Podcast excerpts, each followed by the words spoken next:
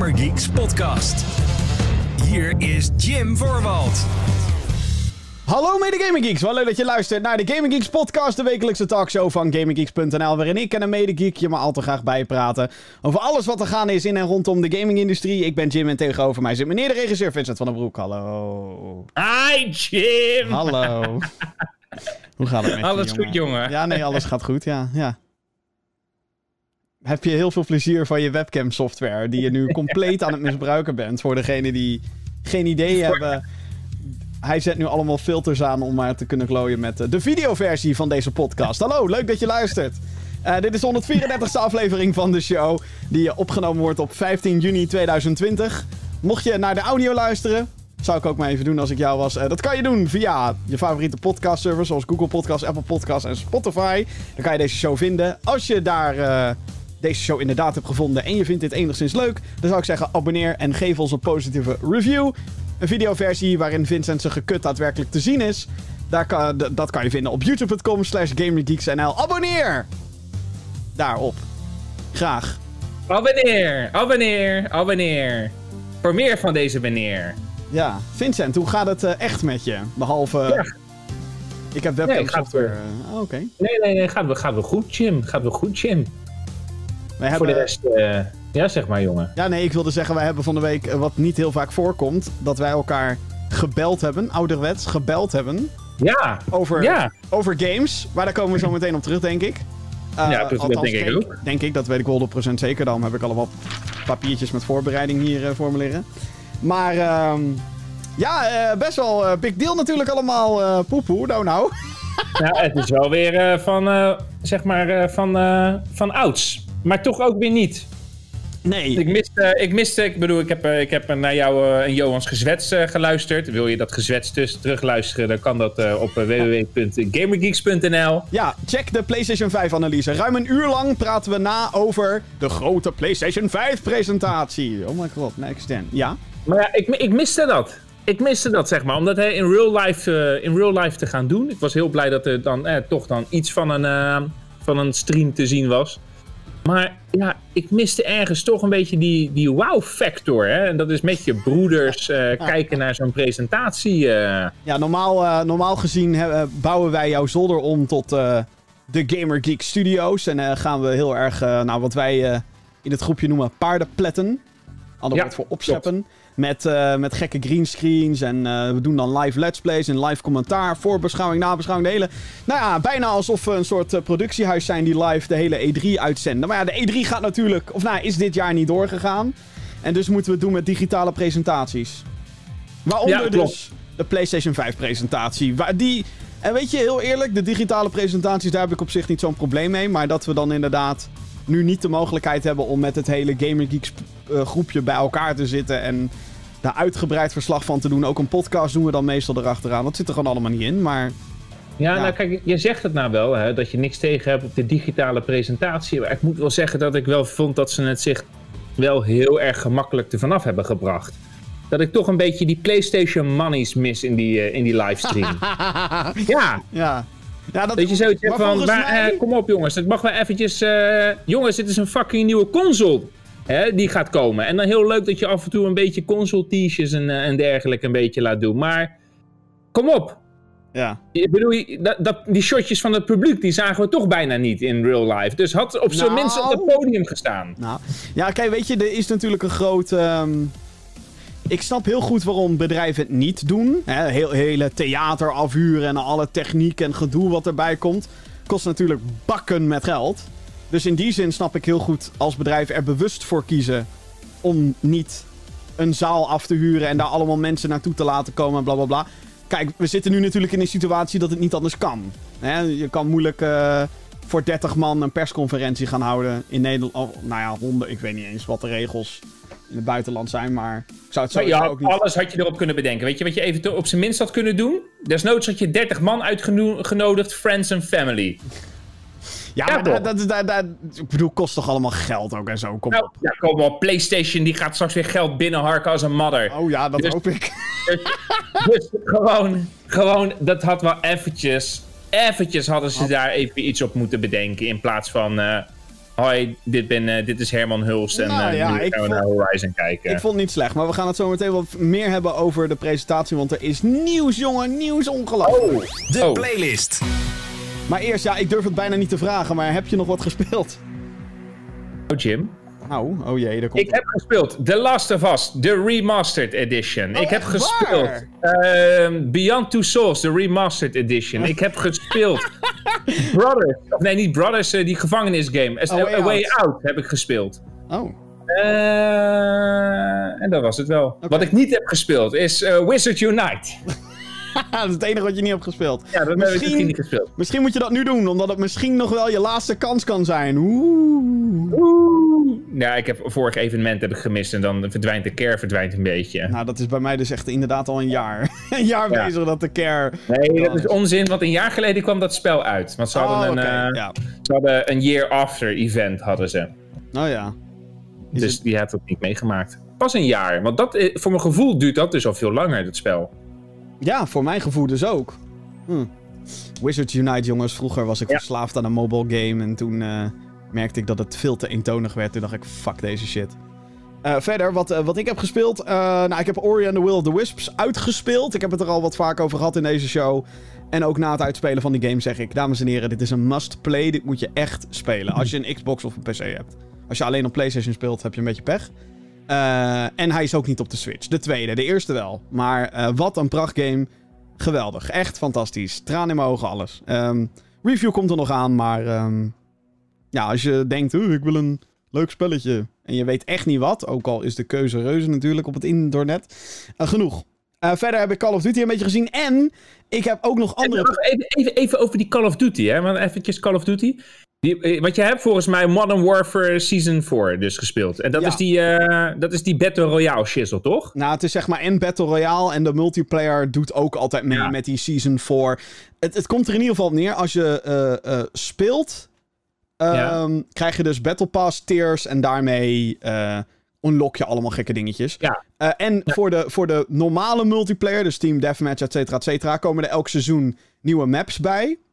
Ja. En voor eh, de, de, de Warzone, dus dat is de Battle Royale. Eigenlijk rondom het hele spel is er dan een nieuw character waar je mee kan spelen. Dat is in dit geval Captain Price uit de Ja. singleplayer. Ik denk wel een van de bekendste Call of Duty personages. Als je denkt, heeft Call of Duty personages? Jawel, Captain Price is er zeg maar eentje.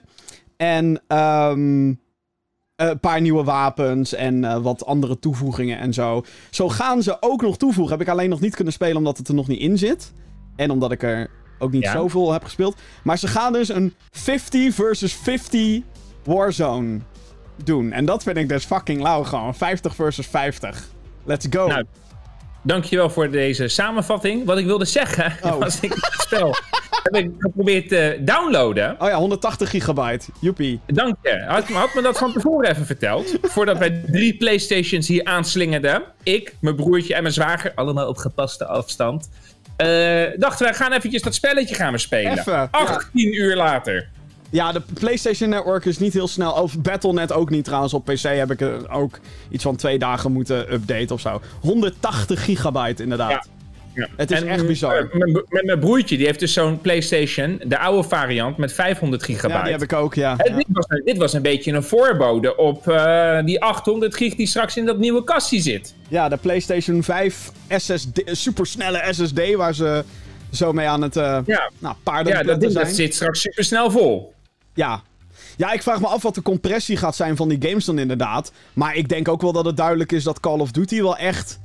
Ik weet niet wat die gasten er allemaal aan het doen zijn, maar Nou, gewoon het, schijnt niet goed geoptimaliseerd te zijn. Nou, eh. geoptimaliseerd wel, maar de compressie is inderdaad ver te zoeken. Dat je denkt, nou die 180, ik weet zeker dat andere game developers of uitgevers daar echt wel... eh, The Last of Us was eh, 25 gigabyte. nou heb je het daar natuurlijk ook wel over een game uit 2014 en zo, zonder... wel stuk... Dat, eh, dat klopt. Resident Evil was ook 25. echt waar? Deel, Resident deel Evil 3. Deel 3. 3. Oh, oké. Ja. Ja, nee, de, de meeste games zijn echt wel 50 gig of zo. Als, ik denk dat dat een goed gemiddelde is. Heb je het over de Ja. big-ass grote games, zoals Red Dead Redemption, dan heb je het over 100 gig al Ja, vaak. maar natuurlijk ook al belachelijk. Dat kan toch niet 180 gig Nee, zijn? nee, en het is gewoon fucking naaiend, want ze willen gewoon dat je die, hele, dat je die andere meuk ook meteen downloadt. Want eigenlijk heb je gewoon al dat hele spel gedownload. Terwijl ik dat helemaal geen zin heb om dat te gaan spelen of te kopen. Ik wil alleen die Battle, eh, Battle Royale eh, meuk spelen. Nee, ja, maar dat is dan waarschijnlijk assets die gedeeld worden tussen de modes, wat ook zo Dat is. En- Maar 180 gigabyte Ja, voor nee, ik Fortnite. vind het ook, ik met- vind het ook belachelijk, met maar... schietende mannetjes. Nou. ja.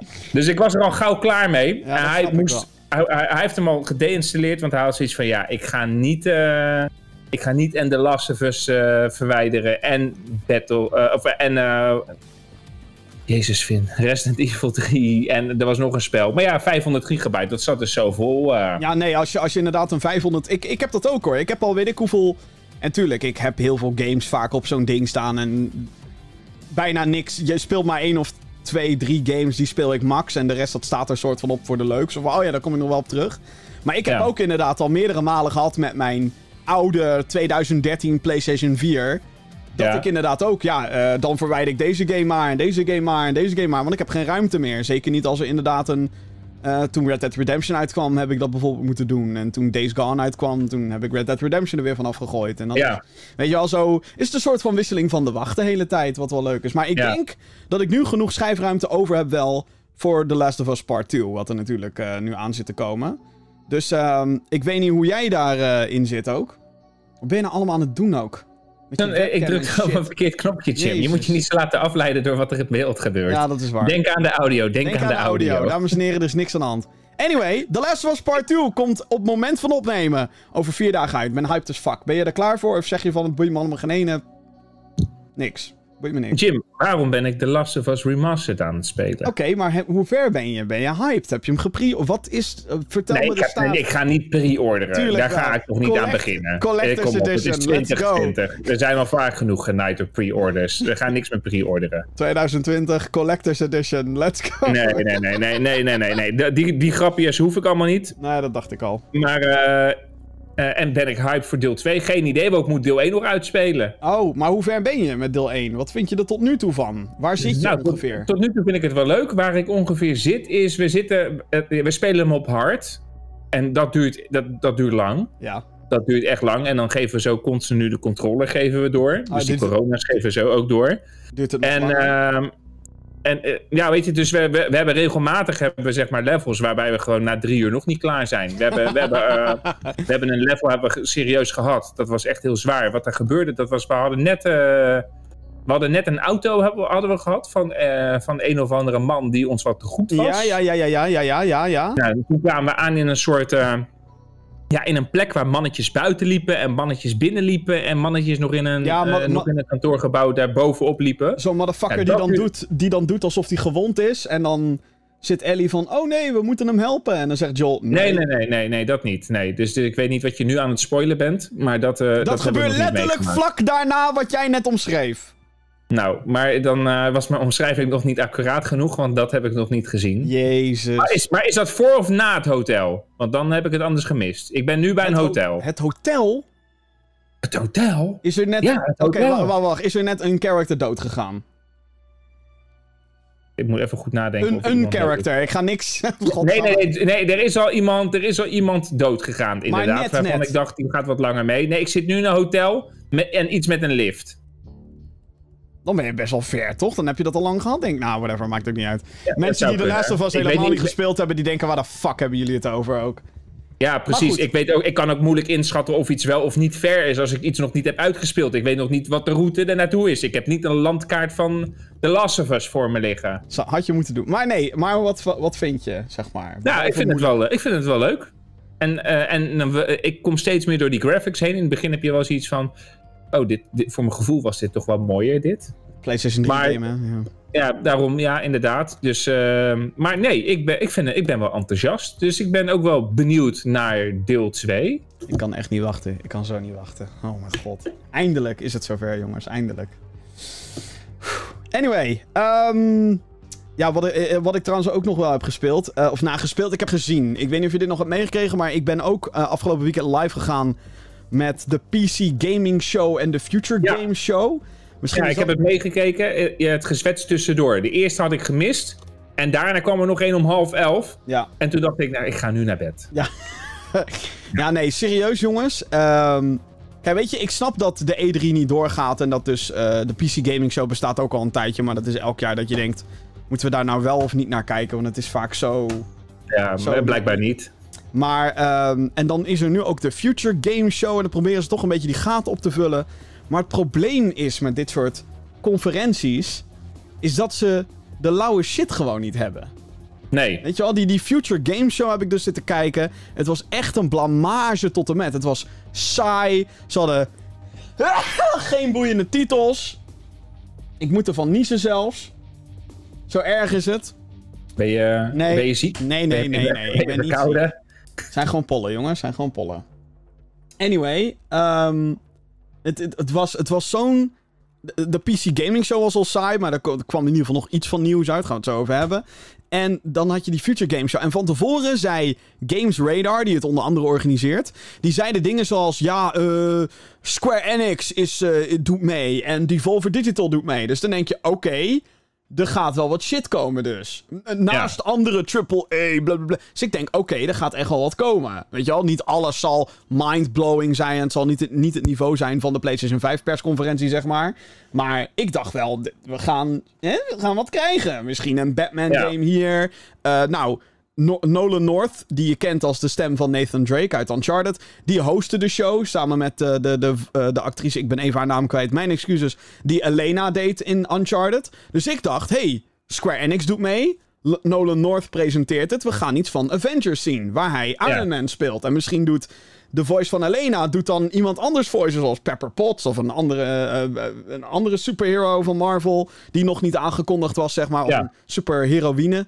Klinkt weer heel fout in het Nederlands, maar heroine klinkt ook. Laat maar zitten. Eh, vrouw, vrouwelijke held, dat bedoel ik. Eh, Ja? in de Avengers. Maar zelfs dat zat er niet in. Nee, wat die twee partijen hadden, was... Voor Square Enix hadden ze een aankondiging van een broadcast van Outriders. Zo'n game waarvan iedereen denkt... Wat? Precies. Ja. En, en Devolver Digital had 30 seconden gameplay van twee games waarvan we al lang wisten dat die eraan gingen komen. En dat was het. Ja. Dat waren de twee grote namen waar de Future Game Show van tevoren zei... "Wij- Deze partijen doen mee. Fuck off, jongens. Fuck off, gewoon. Hou op mijn fucking tijd te verdoen met dit soort fucking presentaties. Dus Ja. mocht je de Future Game Show nog niet hebben gezien... en je bent dit nu aan het luisteren... doe niet de moeite, het is niet de moeite waard. Het is echt gewoon verspilling van je tijd. Ik zeg het je eerlijk. Ja. En dat is heel lullig tegenover de indie games die erin zitten... want het is vaak een showcase van indies... Alleen die zijn zo lastig te verkopen als je gaat hypen dat er ook triple A's en zo tussen zitten. Je moet een balans hebben. En die balans is er dan niet. En dan is het boring as fuck. Helder. Dus we gaan die meuk gewoon niet kijken. Nee, niet doen. Niet doen, jongens. Zometeen in de Gamer Geeks podcast. Wat je wel moet kijken natuurlijk, of luisteren, is deze show. Met zometeen, we gaan langs alle PlayStation 5 nieuwtjes die kwamen na de presentatie. Dus Ja. heb je de presentatie nog niet gezien, check de Gamer Geeks analyse met ondergetekende en Johan. Eh, nou, andere presentaties waren er dus ook. We hebben een paar nieuwtjes van eh, de PC Gaming Show. Een van de grootste gameuitgevers staat misschien wel te koop. En we gaan natuurlijk langs de mailbox. Dus mail naar podcast.gaminggeeks.nl Als jij een vraag hebt voor de show. Ja, podcast.gaminggeeks.nl Nieuws. Nou, gaan we naar het nieuws. Je kan raden waar het over gaat, onder andere. er is een klein, klein dingetje maar gebeurd afgelopen week, jongens. Klein dingetje maar. Het heeft te maken met een nieuwe console. Dus. Eh, tijdens een presentatie heeft Sony de PlayStation 5 uit de doeken gedaan. Of de console onthuld. Het witte, gemengd met zwart eh, motief van de DualSense controller... die wordt doorgevoerd in het design van de console. Naast een aantal games zijn er ook accessoires onthuld... zoals een charge station voor twee DualSense controllers... een headset, een nieuwe camera en een media-afstandsbediening. Naast dat de onthulling van de console een verrassing was... eh, was het nog onverwachter om een tweede console aangekondigd te zien worden... Het betreft hier de PlayStation 5 Digital Edition. En deze zal naar verwachting bijna gelijk zijn aan de reguliere PlayStation 5. Maar dan is er geen disk drive meer aanwezig. Dit is vergelijkbaar met de Xbox One S All Digital, die hetzelfde principe hanteert. Dat was gewoon letterlijk een Xbox One S, maar dan zonder disk drive, waardoor er 60 euro of zo van de prijs afging. Een release datum en prijs van de PlayStation 5 zijn nog niet bekendgemaakt. Hierna volgt natuurlijk extra nieuws over sommige games die, onthuld, die onthuld zijn tijdens de presentatie. Vincent, wat vind jij van het design van de console? hey, ik dacht dat je dat nooit zou vragen. Ja, ik, hey. Ik denk dat ik heb wel wat... Ik heb best wel wat kritiek, eigenlijk. Oh, je vindt het Ja, ik mooi. vind het, eh, allereerst... Er zijn trouwens, voordat, je begint, er zijn weet ik hoeveel memes zijn er inmiddels over het internet gegaan. Eh, en ik denk dat een van de grappigste is, is dat dit ding lijkt op een router. Zo'n Ja, die, internetapparaat. ik, die heb ik gezien. Die was inderdaad... Nee, op het design zelf van de PlayStation 5 Digital Edition... eh, heb, ik, heb ik helemaal geen, heb ik geen probleem mee. Oh. Dat was echt, ik ga, ik, die webcam software ga ik nooit meer gebruiken, Jim. Dit is echt... Wat ben je allemaal aan het doen? Wacht ik doe, ben niks aan het doen. Letterlijk niks aan Oh, het ik doen. zie ook nu dat je weg bent, inderdaad. Ik ben echt letterlijk niks aan het doen. Ik, ik, ik flikker dit uit. Het spijt me, dit is echt kut. Oké, daar ben je weer. Hallo. Dus eh, het design, het design eh, van de Digital Edition, die vind ik vet. Want daar is nog enigszins gewoon, hè, dat is gewoon symmetrisch en zo. En dan ga je naar die andere met dat disk drive kijken en dan denk je... Ja, jullie willen er echt vanaf, hè? Jullie willen echt van die disk drive af. Jullie, jullie doen niet eens meer moeite om dat ding fatsoenlijk te integreren in het design. Het zit er nu gewoon echt als een gezwel, zit het eraan. Ik vind het echt, eh, ik vind het niet mooi, dat. Oké. En dan, dan, dan dat je dan het gevoel hebt, zeg maar, als je iets stylish wilt hebben. Want ik, heb, ik ben wel fan, zeg maar, van, eh, van zo'n console die nu gewoon gepromoot wordt hè, als een soort eh, echte accessoires waar je thuis niet omheen kan. Echt een toren, groot ding. Er zijn ook eh, vergelijkingen met hoe groot dit nou weer is. Hè? Net zo groot als de adapter van de, van de eerdere Xbox. Dus het is wel. ehm, dat is wel groot, ja. Zo heel ja, groot. zeker groot. Holy shit. Nee, maar, maar dat je dan gaat kijken naar. Dat je dan gaat kijken naar het design, dan denk ik van ja, het, het is. Waarom zit die disk drive niet in het midden? Waarom, als ik, want ik ga voor een variant met disk drive. Waarom? Gewoon, waarom niet? Ik wil gewoon mijn PlayStation 4 games die ik nu heb, die ook allemaal op CD en zij wil ik spelen. Ja. Ik wil gewoon nog steeds, net als vroeger, die dingetjes gewoon lekker met Jim kunnen uitwisselen, met Jeroen kunnen uitwisselen, et cetera, et cetera. Eh, en eh, als die games straks met Unreal 5 eh, gaan, ja, ik ben benieuwd wat dan de grootte van die, van die games gaat zijn. Ik ben daar heel sceptisch over.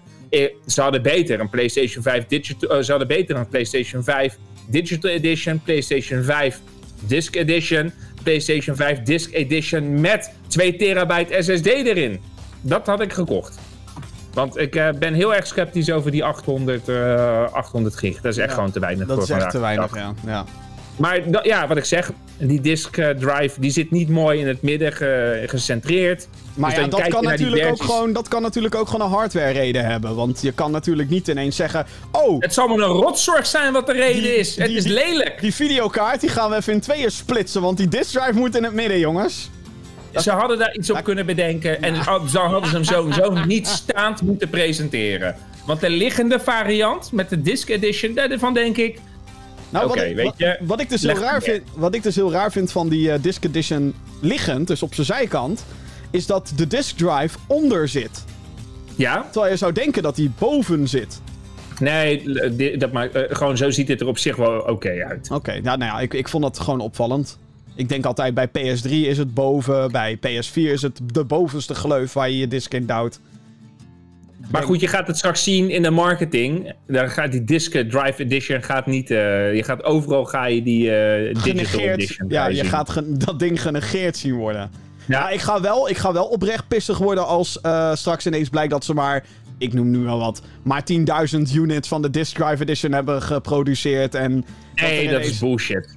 Ja, nou ja, ik, ik bedoel, ik weet niet wat hun plannen daarmee zijn. Daarover gesproken, eh, Johan en ik hebben het hier natuurlijk al over gehad in de PlayStation 5 5 analyse, maar wat denk jij dat de prijs gaat worden? Natuurlijk de million dollar question. Haha, see what I did Nou ja, there. toevallig zag ik gisteren zag ik een artikel eh, voorbij komen dat Johan in onze app eh, deelde, waarin, ja, waarin werd benadrukt dat ze niet gaan voor cheap. Nee. Dus eh, ja, wat is, eh, wat is, eh, wat is niet cheap? Ja, ik vind 750 euro niet cheap. Maar sommige Oh, mensen vinden 500 euro niet cheap. Sommige mensen vinden 300 euro niet Maar, cheap. maar wat denk je? Wat denk je dat het gaat worden? Nou ja, weet je, het wat, wat jullie eigenlijk ook al zeiden in die analyse, dat gevoel had ik ook. Voor 600 euro wil ik gewoon een PlayStation hebben. Met de controller erbij, uiteraard. En een disk drive. En, en, en een disk drive. En een spel. Ja. Oh ja, en een game. Oeh, ja, ja, ja, ja, ik snap hem. Ja, ja, ja, ja. Ja, ik, Want dan denk ik van oké, voor 600 euro kan ik nu aan de bak. En niet voor 650 euro. Oh, wel een van nou, de- dat zou het 660 zijn dan. Sowieso dan als denk ik bij mezelf, sowieso als je een PlayStation koopt, krijg je een game erbij, maar daar komen we zo op terug. Wink. Ehm, maar ehm, ja, ik, ik blijf nog bij mijn voorspelling. En dat is dat 500 euro voor de Digital Edition en dan nog 550 voor de Disk Drive Edition of version, whatever. En ja, ik ben dan- dus bang dat het 550, 600 gaat zijn. Ja. Ja, ja, dat zou inderdaad ook goed kunnen, ja. Ja, het lullige is ook, is dat beide partijen hebben gezegd, en dan heb ik het hier over PlayStation en Xbox. Ja, wij wachten wel wat de andere doet met de prijs en daarna gaan wij onze prijs aankondigen. Ja, what the fuck?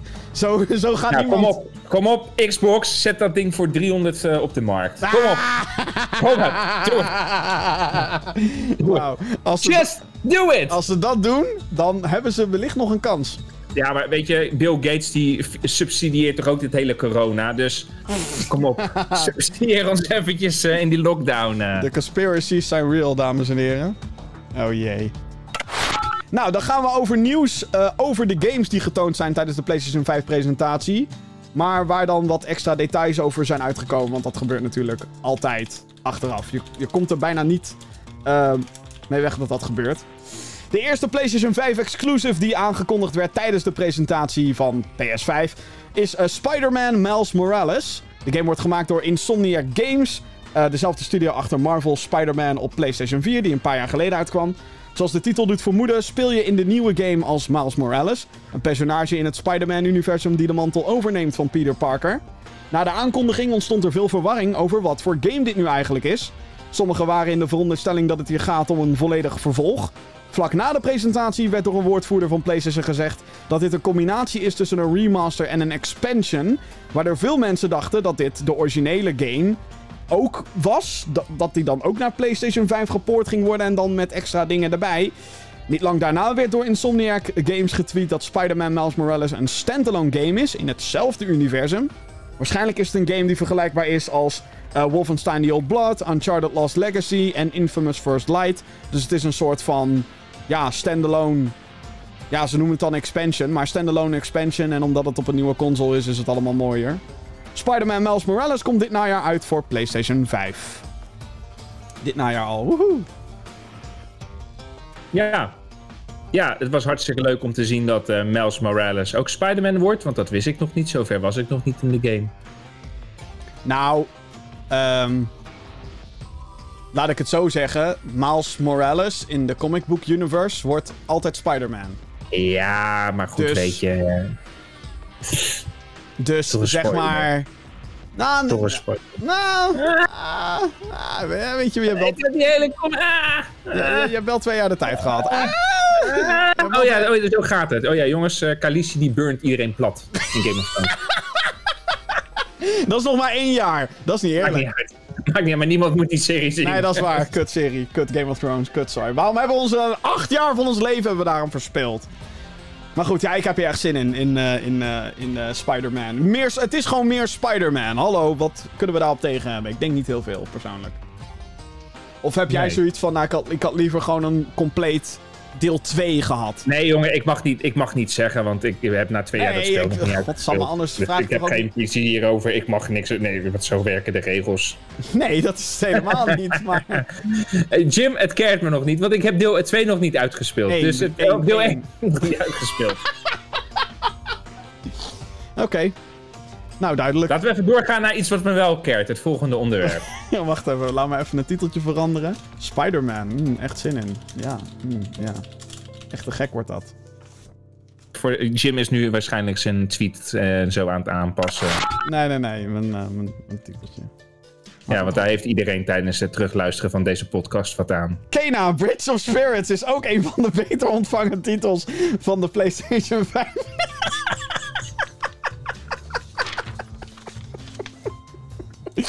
oh, jongens, toch.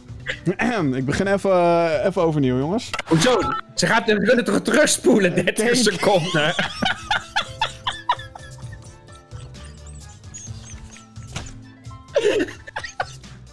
Kena, Bridge of Spirits is ook een van de beter ontvangen titels van de PlayStation 5 Ik presentatie. zou hem nog een keer herhalen.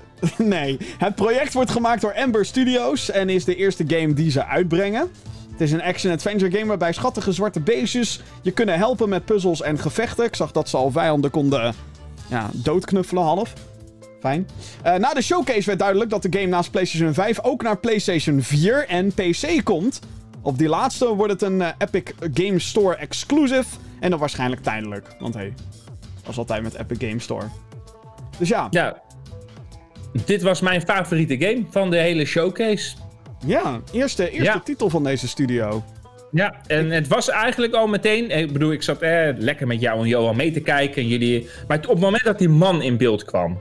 Die het, sparkte, het sparkte energie, zeg maar, bij mij. Want het was, uh, hij presenteerde zichzelf samen oh, met zijn die, broer. Uh, dacht ik, ja, ja, dat was een soort van ontwikkelaarsduo. Twee broers die die studio en, leiden. Ja. En toen dacht ik bij mezelf, fucking lauw, familiebedrijf, familieleden. Ik zag mezelf en mijn broer zag ik, uh, zag ik al iets presenteren of iets in die richting. En ik had ook een beetje flashbacks naar die gast van uh, Unravel die op het podium kwam. Heel aandoenlijk. Dat ging natuurlijk toen destijds helemaal mis. Maar het was een soort van dat ik zoiets had van: dit gaat hem worden. Kom maar op, ik, dit, dit kan niet verziekt worden na deze introductie. Alleen maar omdat het die twee broers zijn. En wat zegt dat nou gewoon onbewust? Zegt dat nou gewoon, hè?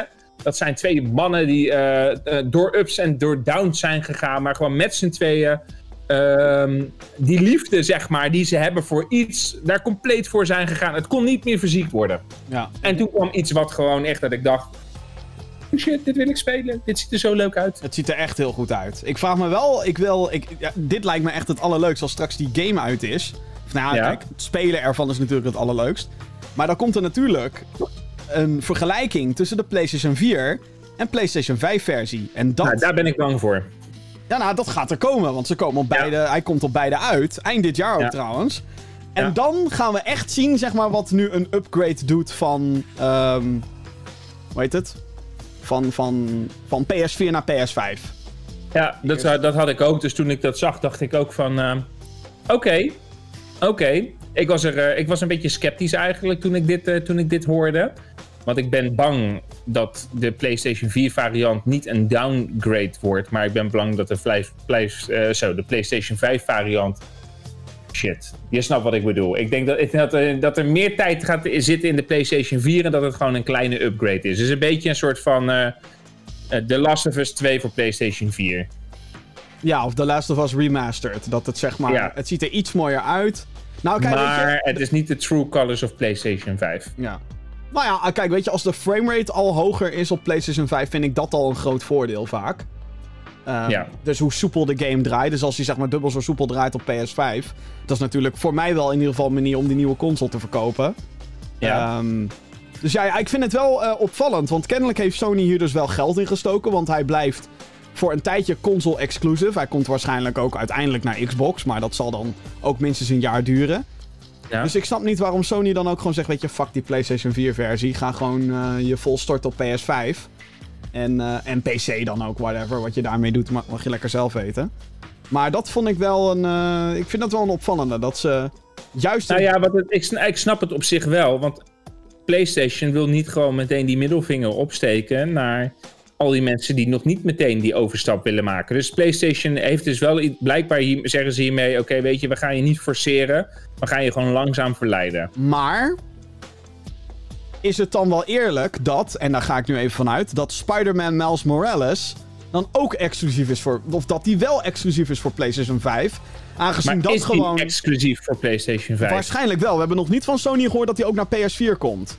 En ja, dat zou mij niks verbazen, want als het in dezelfde engine is gemaakt. Nou ja, daarom. Dus dat is zeg maar. Dat, dat vind ik dan zo'n zo'n knagend ding. Want in principe zou je inderdaad kunnen zeggen: joh, ze hebben. En dat hebben ze ook gedaan trouwens. Ze hebben gewoon de engine gepakt en New York en hier. Uh, en, en sneeuw. Het is nu. Uh, de, deze nieuwe game speelt zich af tijdens de kerst. Dus het is net een beetje anders dan de wereld van, van PS4 Spider-Man. Dus ja, het is toch een beetje copy-paste werk. En dat kan ook bijna niet anders als je binnen twee jaar. Zij willen gewoon straks willen zij gewoon massa incasseren. Dus zij, alles komt gewoon op beide consoles uit. Nou, dat vraag ik me dus af. Ik denk niet dat ze Spider-Man... Jawel, jawel. Ik denk het niet. Ik denk dat Spider-Man Miles Morales... schrijf het maar ergens op in je eh, voorspellingsboekje. Oké. of, of op zijn minst dat ze het een aantal maanden exclusief houden. Zodat mensen natuurlijk verleid worden om de PlayStation 5 te pre-orderen. En dan is Spider-Man natuurlijk wel een van die titels waarmee je mensen overstag haalt. Lijkt me. Nee, dat is, nee, dat is het niet. Tuurlijk wel. In de zin, en, nee, en de reden waarom niet, zeg maar, de. PlayStation 5, je moet verleid worden door de console zelf en dan dat je die beelden gaat zien van Nee. Spider-Man Je op moet de PlayStation 5. Tuurlijk niet. Je moet, Dus je verleid, je moet verleid worden door de games die er op zo'n platform uitkomen. Nee, je moet verleid worden door de games die er nog toffer uitzien op de PlayStation 5 dan op de Nintendo Switch. Nou, ik vind Spider-Man en Miles Morales er nu beter uitzien dan alles wat op de fucking Nintendo Switch heeft gezeten. Dus in dat opzicht... Ja, dat klopt. Maar we weten nog niet hoe die er op de PlayStation 4 uitziet. Maar je moet gewoon verleid worden door de kwaliteit van de games. En dan gaan mensen sowieso toch die PlayStation 5 kopen. In die hele PlayStation 3, PlayStation 4 fase is ook alles op dubbel uitgekomen. Ja, alleen eh, ligt het er natuurlijk aan welke game je pakt. Het is niet zo dat Killzone Shadowfall, toen die uitkwam voor PS4, dat ze ook meteen zeiden, ah ja, doen we ook voor PS3. Dat gebeurde niet. En logisch ook, zeg maar.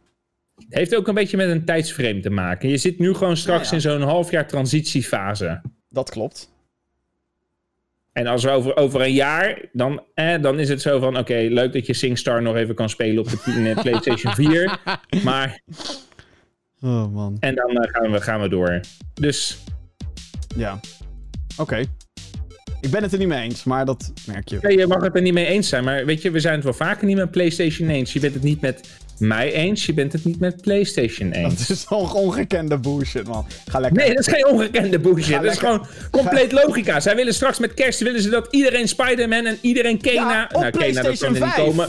Ze willen dat iedereen die Op spellen gaat PS5, spelen. ja, Maakt niet uit PS5. welke console. Tuurlijk wel, PS5. En alles wat je kan, alles wat je kan verkopen op een, op een oude wagen, zeg maar. Hè, zolang ik zeg maar nog gewoon eh, banden kan verkopen. a- Op, aan die Skoda die ik heb staan, zeg maar. Kijkt het niet dat ook die Tesla daar nog even ik ben het daar dus je bent die banden kwijt. Ze willen die banden kwijt, Ik ben het daar absoluut niet mee eens, gewoon. Nee, je mag het er niet mee eens zijn. Maar dit is gewoon marketing. Want dit, dit, is, waar- gewoon... dit is waarom ik denk dat de Xbox namelijk keihard zichzelf in zijn poten schiet. Door te zeggen, oh, de aankomende twee jaar komen er geen... Vanuit ons komen er geen games die... eh, alles kan ook op Xbox One draaien. Dus voor mij heb ik nu zoiets van... Oké, waarom de fuck moet ik dan een Xbox Series X hebben? Het enige probleem is dat als je straks, als alles zeg maar gewoon, eh, zeg maar, backwards compatible is, is dat je dus Kena voor de PlayStation 4 kan kopen en Op op de de PlayStation... Ja, PlayStation dat 5 kan. Ja, spelen. exact. Maar, maar, maar, even, maar, die games die gaan even duur worden. Ja, dat gaat natuurlijk gebeuren. Nou ja, Dus die game gaat even duur worden op de PlayStation 4 als op de PlayStation 5. En dan kan je denken van, ja, waarom zou ik een dvd'tje gaan kopen terwijl ik ook een Blu-ray kan kopen? Alhoewel, je weet altijd wat Voor ze doen. prijs. Je weet altijd wat ze doen. Als net een console release, dan doen ze er altijd even een tientje bovenop. Dat kan ik me nog wel herinneren. Dat we Ja, de- maar dat is dus nu dat we in de de kunst dat ze dat niet gaan doen.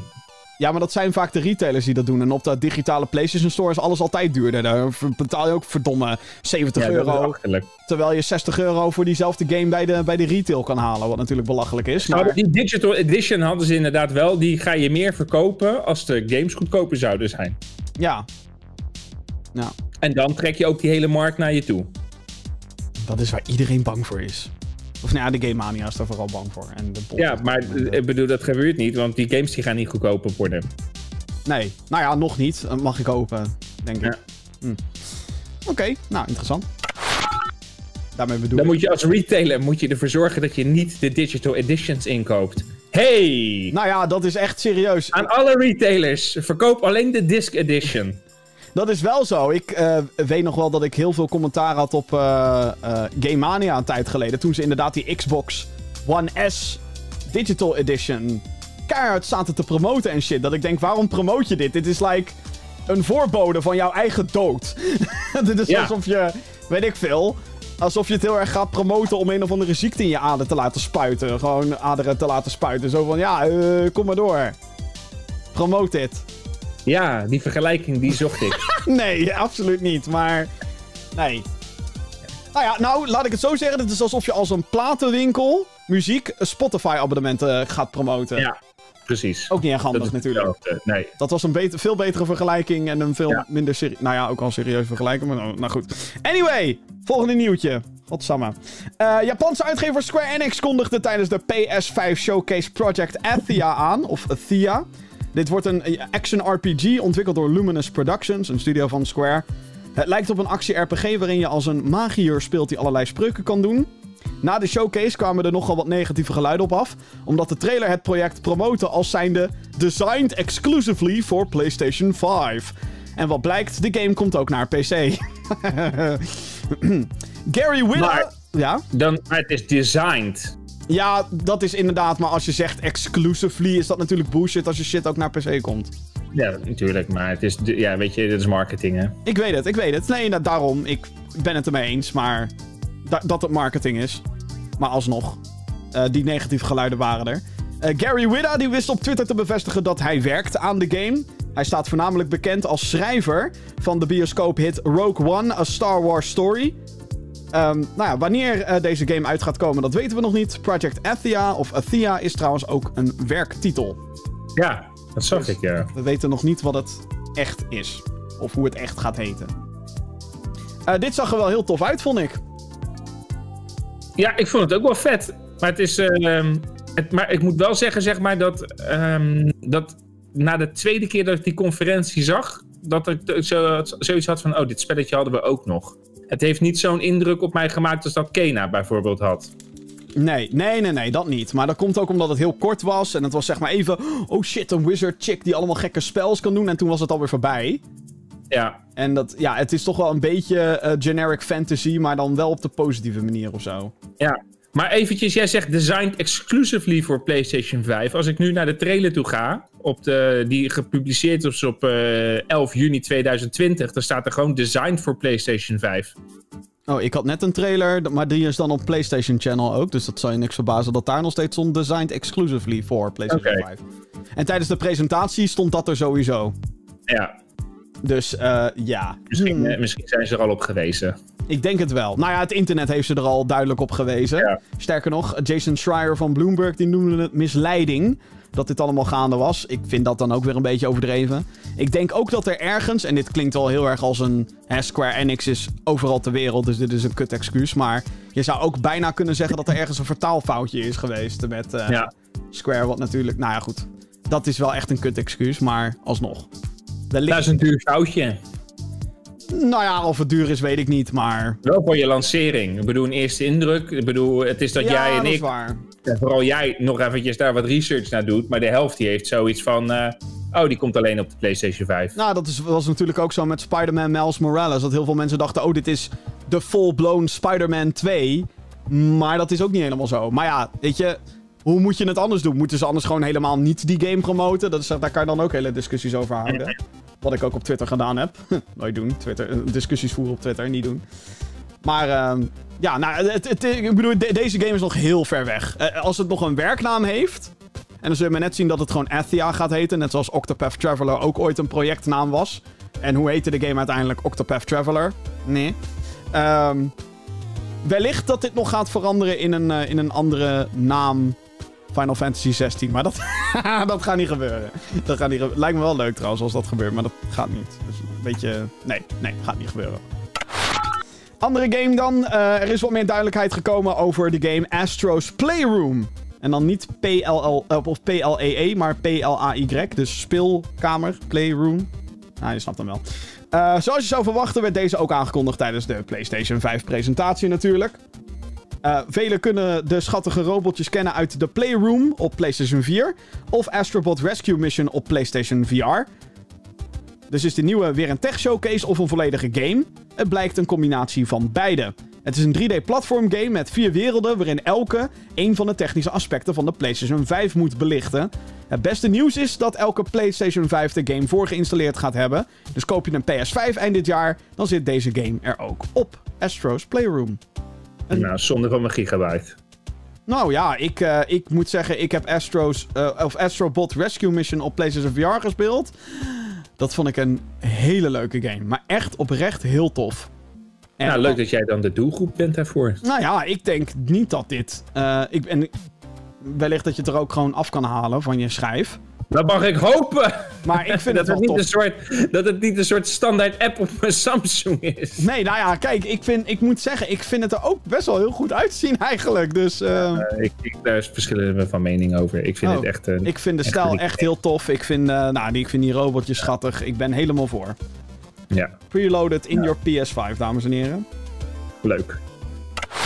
Twee andere grote third-party titels komen naast de PlayStation 5 ook naar andere platforms. Zo werd daarna bekend. Uh, het betreft hier Hitman 3 en Resident Evil 8 Village. Deze werden beide officieel aangekondigd tijdens de presentatie van afgelopen week. Grote verrassing. Hitman 3 is een third-party game waarin je uh, moorden moet plegen in grote open levels. Volgens IO Interactive wordt dit de laatste game in de World of Assassinations trilogy. Of dit een voorlopig einde betekent van Agent 47, dat moeten we nog maar even afwachten. Resident Evil 8 is het nieuwste deel in de langlopende horrorreeks van Capcom. Die kreeg dit jaar nog een release, namelijk uh, Resident, een remake van Resident Evil 3. In RE8 speel je als Ethan het, uh, Ethan, het hoofdpersonage uit deeltje 7. Hij komt in een dorp terecht waarin paranormale dingen schijnen te gebeuren. Maar of dat echt, is, echt zo is of niet? Oeh. Beide games komen volgend jaar uit. Dat niet alleen, ze komen dus naast PlayStation 5 ook naar andere platforms, namelijk PC en Xbox Series X. Dus je hoeft niet per se een PS5 te halen om die twee games te kunnen spelen: Hitman 3 en Resident Evil 8 Village. Dus, uh, ja, ja wij, wij, zijn uh, althans. Ik weet dat jij een beetje Resident Evil man bent. Over Hitman hebben we eigenlijk niet heel veel te zeggen, denk ik. Dat is gewoon, ja. Leuk dat er nog ja. een Hitman komt voor de fans, maar... Ja, maar dat is het. Weet je, het, het, ziet er leuk uit. En ik heb iedere game heb ik opnieuw zoiets van... Oh, Hitman. Oh, dat wil ik nog even spelen. Hitman 1. Hitman 2. Oh, dat zag er leuk uit, zeg. Oh, wat wel leuk zo met dat, uh, met, met, met uh, op verschillende manieren dat level uithalen. Wat interessant. Hitman 3. Oh, wat een mooie trailer. en nu naar oh. Next Gen, wat? Dus het is een beetje met Hitman zoiets van, ja, ik wil het wel spelen. De film, films heb ik gezien en dat is wel leuk. We lachen. Wil ik ook even spelen. Maar gebeurt niet. Op een of andere manier. En dat heb ik met Hitman. Dus het, het is wel iets waarvan ik denk van, nou weet je, het zou vast goed zijn. Want er is een... Uh, weer een nieuw deel uh, gekomen. Maar op een of andere manier trekt het me niet genoeg om te spelen. Overigens komt Hitman in januari uit. Dus wel iets specifieker dan volgend jaar, maar dat. Um, ja, nee, ik heb hetzelfde. Ik heb de games gewoon nooit gespeeld. En daarom weet ik ook niet echt wat ik ermee aan moet, zeg maar. Nee. Maar ja, dan die andere. Um, Resident Evil 8, Village. Dit wel, dit, ja, dit, eigenlijk was deze game al eerder gelekt. En daardoor was het ook niet zo'n huge verrassing of zo toen hij eenmaal kwam opduiken. Maar hey. Nou, daar ben ik het niet mee eens. Daar ben oh. ik het niet mee eens. Want ik had niet het gevoel. Alleen Jim die zat er de hele tijd tussendoor te lullen. Resident Evil! Oh, kijk het Umbrella-logo! Ik had zoiets van: Jim, hou even je bek. Ik probeer te kijken of dit echt Resident Evil is. Dit is en aan de hand, En aan de hand van die, de beelden die ik zag. op dat Umbrella-logootje na. Maar ik was het niet 100% duidelijk dat dit om Resident Evil ging. Oh, ik merkte en... wel echt gewoon een beetje dat. Uh, het ziet er wel realistisch uit, maar het is toch over de top. Ja, ik had, dat, ik, ik had dat dus niet. Ik had. Uh, ik vond het echt. Ik zat ook te kijken en ik heb daarna nog met mijn vriendin gekeken. En die had ook zoiets van. Hè? En ik had daar met mijn broertje nog gekeken. En die had ook zoiets van.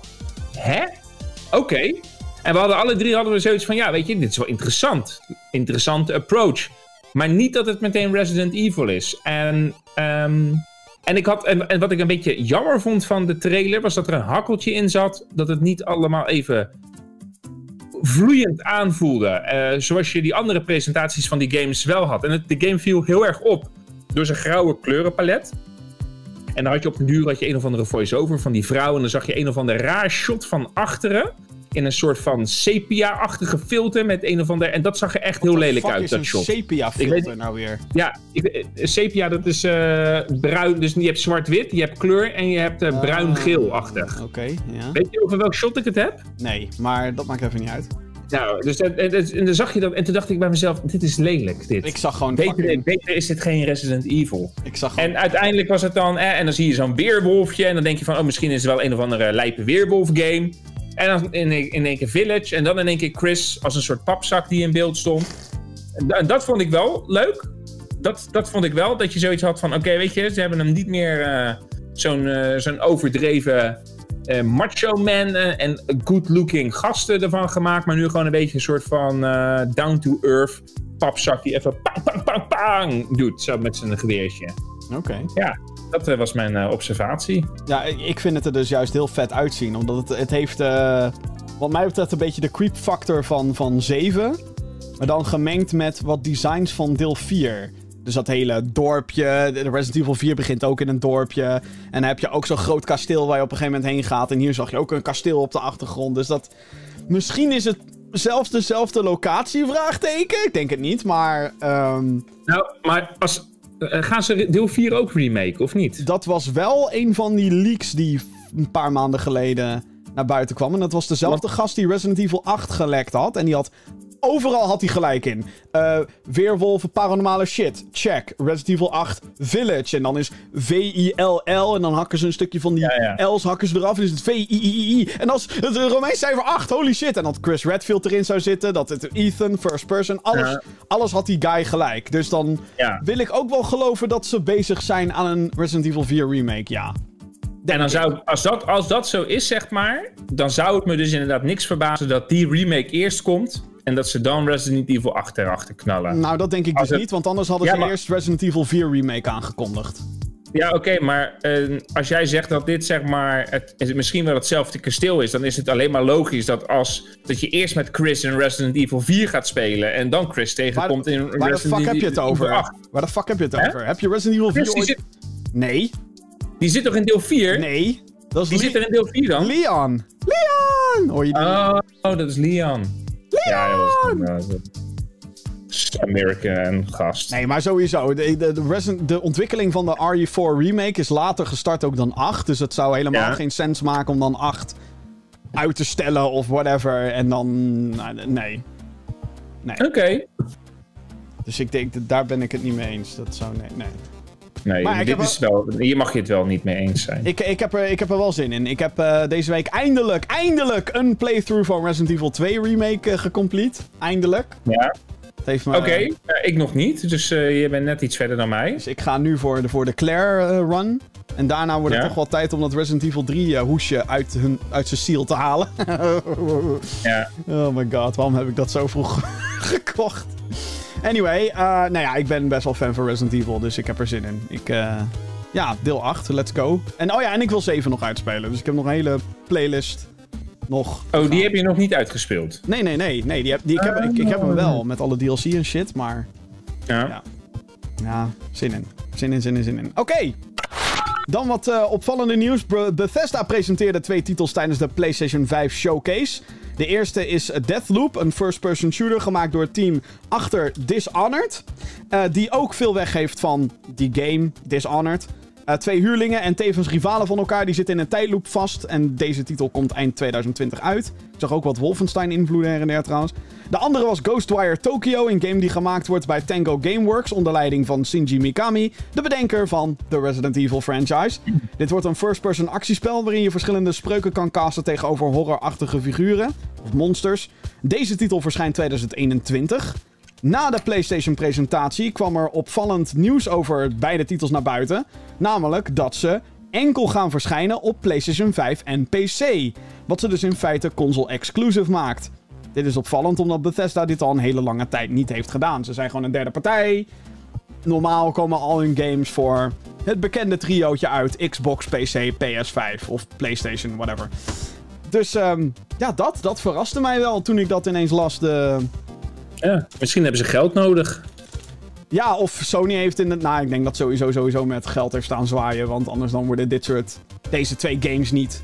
Exclu nou, een soort van exclusive. Want het zal ook, eh, heb ik her en der gehoord en gelezen... dat het ook om een tijdelijke exclusiviteit zou gaan. Dus dat het uiteindelijk wel weer naar Xbox komt. Maar, jeetje. Wat een... eh, ik, vond, ik vond deze echt heel raar. Dat ik dacht, huh?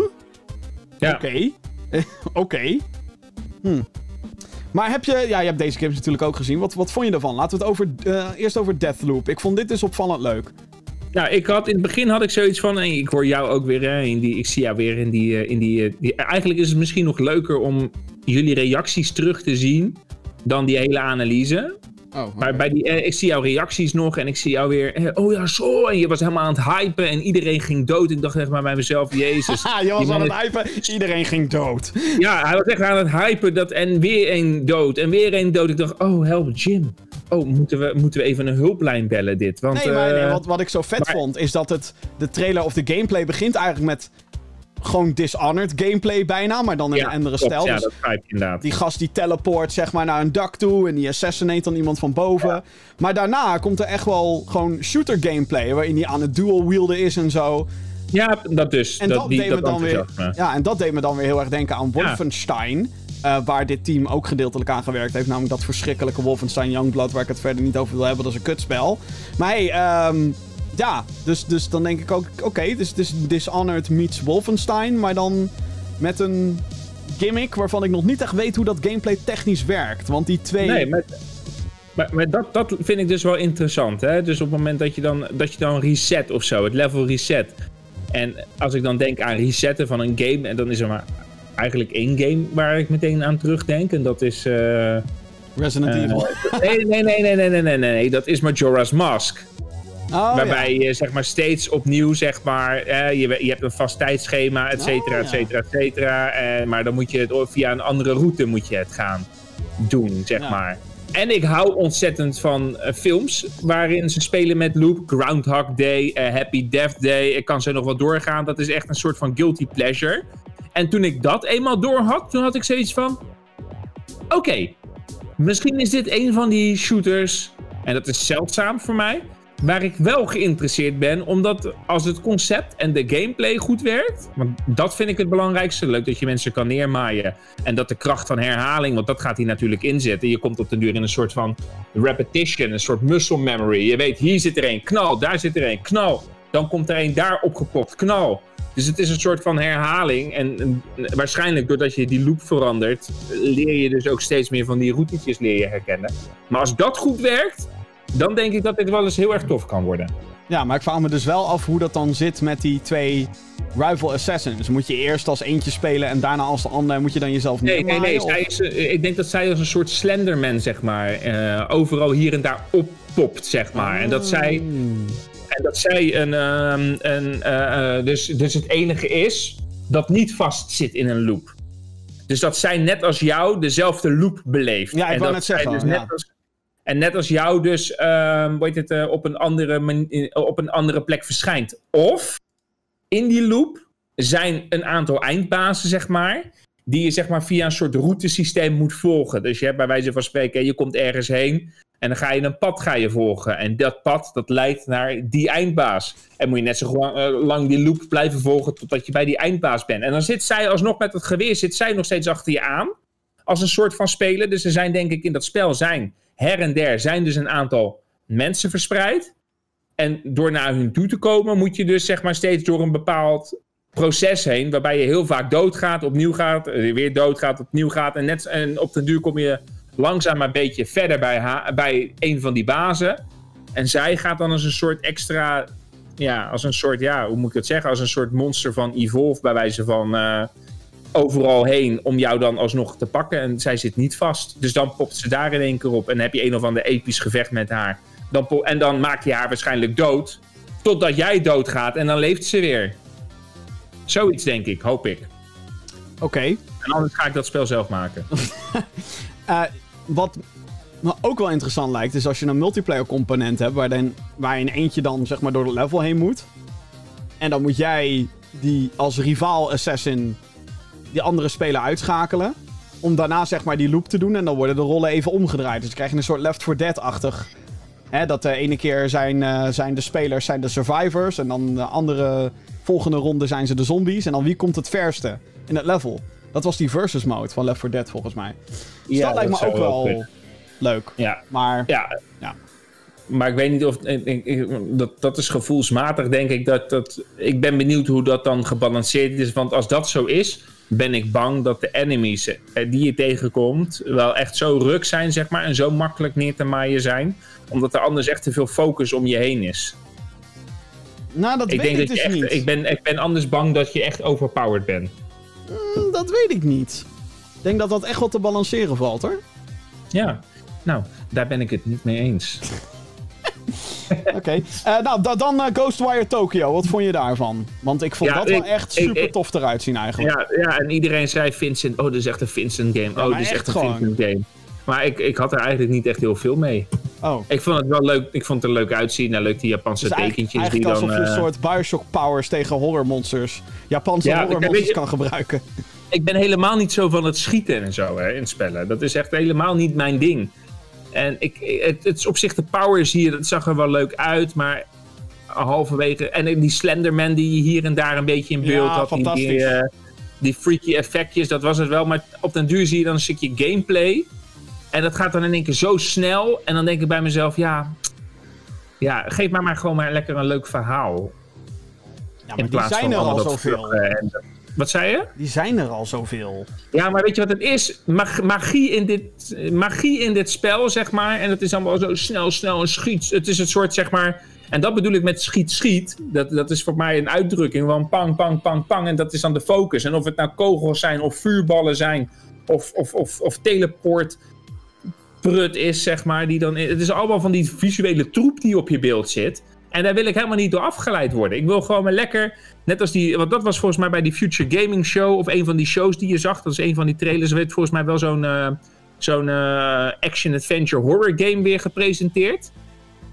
Nou, dat was niet ieder geval- action adventure. Dat zijn gewoon horror Ja, games. oké, een horror game. Was, en dan dacht ik bij mezelf. Ah, maar dit is wel weer e- even wat rustiger. Even wat meer. eh, wat meer focus. Ik vind het dus juist wel tof dat dit dat Ghostwire even iets anders doet. Want ja, ze hadden ook gewoon die guy een geweer kunnen geven. En dat, dan, maar dan zit je ook weer bij horror game nummer zoveel. Dus ik vind het eigenlijk wel tof dat het een creep factor heeft. Terwijl je wel fucking fantasy abilities hebt, zeg maar. Ik vind dat wel tof. Ja. Ja, wat ik zeg, misschien is het hartstikke leuk, maar ik heb er nu nog te weinig van gezien. Ik vond die creep dingetjes vond ik wel vet hoor. Ik bedoel, het zag er, het zag er super tof uit. En daar niet van, het zag er ook super origineel uit. Dus op dat gebied ben ik het helemaal met je mee eens. Alleen ik ben bang dat die gameplay gewoon zo ongetwijfeld... eh, eh, ja, eh, dat, dat het daar zo, onge, on- zo heel veel op gefocust is. En dat dan de rest eromheen, zeg maar, hoe leuk dat er ook uitziet, eigenlijk een beetje eh, verdwijnt. Daar ben ik bang voor. Oh, oké. Nou, ik zie nog geen reden waarom dat het geval zou zijn, als ik heel eerlijk ben. Want The Evil Within, de andere games, eh, dat zijn er twee, die deze mensen gemaakt hebben, zijn eigenlijk ook heel goed. Oké. Maar dat is wel echt veel meer Resident Evil dan dit. Dat zijn gewoon. Resident, de eerste Evil Within is eigenlijk gewoon een soort Resident Evil 4, maar dan ietsjes moderner. Ja. En vroeger vond ik die game kut, maar sindsdien heb ik hem nog een keer gespeeld op PC. Nu vind ik hem heel goed. En Evil Within 2 vond ik ook heel goed. Wat ik ook ja, ik tof er goede over. ja, wat ik ook tof vind aan eh, Ghostwire Tokyo is dat het een beetje van die vage, mysterieuze elementen heeft die mij doen denken aan een game die je ook absoluut moet gaan spelen. En dat is de volgende. Want eh, vrijwel direct na de PlayStation 5 stream eh, kwam ontwikkelaar Remedy Entertainment eh, met wat nieuws. Vele derde partijen die brengen bestaande titels ook naar de next-gen consoles natuurlijk. Eh, voorbeelden hiervan zijn Fortnite, Call of Duty Warzone, Destiny 2, Cyberpunk 2077, GTA 5 komt naar PlayStation 5. Eh, de Finse ontwikkelstudio achter Alan Wake en Max Payne heeft nu aangekondigd dat third-person actiegame Control ook naar PlayStation 5 en Xbox Series X komt. Dit is geen verrassing, aangezien de game vaak wordt gezien als een showcase voor raytracing op PC.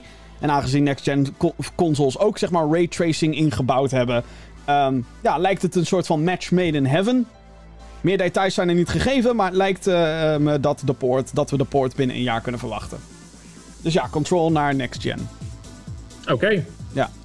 Ehm, dit, is trouwens, dit vind ik trouwens echt een game die jij moet spelen. Dit is een fantastische game. Ja, is- iedereen zegt dat ook met Control. En ik heb een beetje hetzelfde ermee als wat ik hier net voor zei. eh. Nee, maar echt, dit vind jij tof. Oké.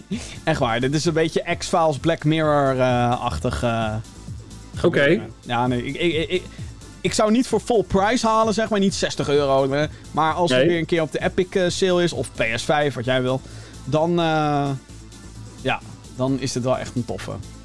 Oké. Ja. Tof. Ja, dan zijn we een beetje door het nieuws van de PlayStation 5 presentatie heen. Gaan we even naar andere nieuwtjes toe. Eh, Ja. Zijn er nog andere dingen die jij kwijt wil over die presentatie? Van PlayStation 5. Ja. Dat je Ja, zegt, ik, nou, denk dat, ik denk dat ik het meeste al gezegd heb. Ik vond vooral de, eh, ik vond vooral de Ratchet vorm and van de Clank. presentatie. Ratchet Clank hype. Nee, ja, Geen Ratchet Clank hype. Nee, vriendin nee, wel, denk ik. mij. Mijn vriendin die was helemaal lyrisch erover. Nice. En Horizon Zero natuurlijk. Horizon of Horizon, 2. Horizon, Horizon. Horizon 2 Nee. Forbidden West. Ja, ja, ja. Ja, dus dat, eh, dat vind ik wel heel tof. Heb ik ook allemaal theorieën over, maar daar zal ik je niet mee, eh, mee, eh, mee, mee, mee, mee bemoeien nu op dit moment. Maar dat, is, dat zag er ook vet uit. En verder, ik vond Devil Inside, of Little, Little Devil Inside, of Ja, wat was het? Little Inside, dat ding. Dat eh, vond ik een, een leuk steltje hebben, maar dat is het. Het waren vooral allemaal leuke steltjes.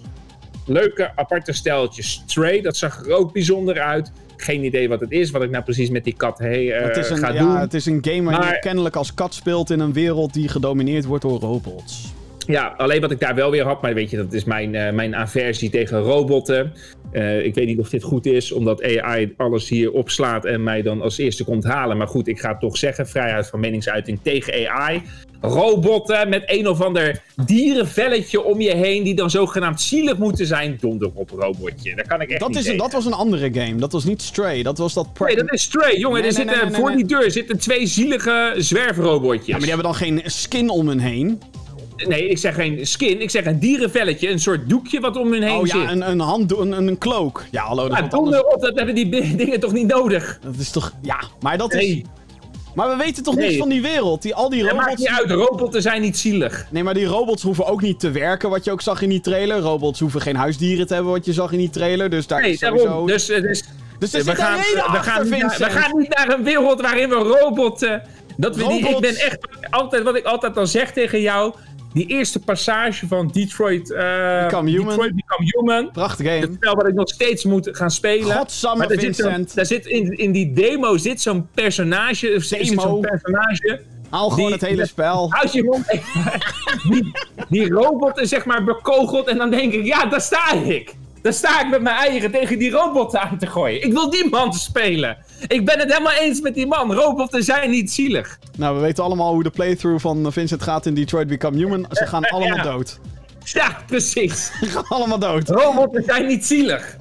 Nou ja, ik, eh, en ik heb ook dat, in die demo die ik toen speelde tijdens die eh, Detroit Dus jij vond het ook party. niet zielig toen in Star Wars Episode 9, Rise of Skywalker, dat C-3PO zei... Taking one last look, sir, at my friends.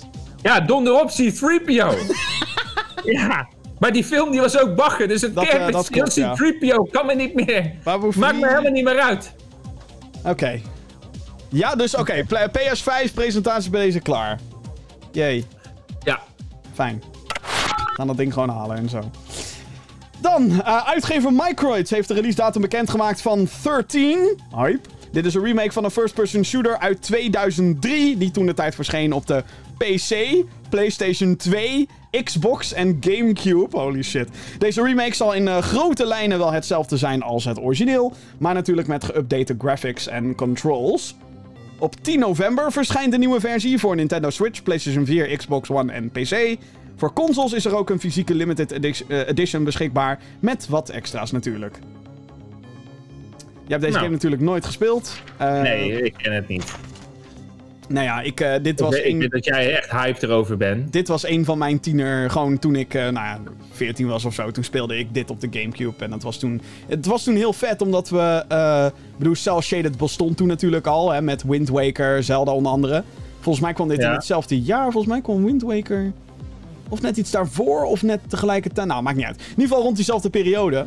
En 13 was echt gewoon... Echt een comicbook stijl, zeg maar. Ook als je iemand neerschoot, dan kreeg je zo'n zijpaneltje kreeg je dan in beeld. En ook boom en arg en no zag je van die speech bubbles overal bij. Dus dat was echt wel heel tof toen de tijd. En het Maar even, moet is het een soort sniper elite of, of oh nee, het is compleet iets anders. Ik Nee, zit nee, nee. te Het is, kijken. het is eigenlijk gewoon een first-person shooter. Ja, nee, dit is echt niks voor mij dit. en ik vind het Nee. verhaal vond ik heel vet. Het verhaal was echt heel goed. Voor, zeker voor 2003 standards. Ik weet niet of ik daar nog steeds over denk in 2020, maar... Ik vind alleen de datum wel onhandig.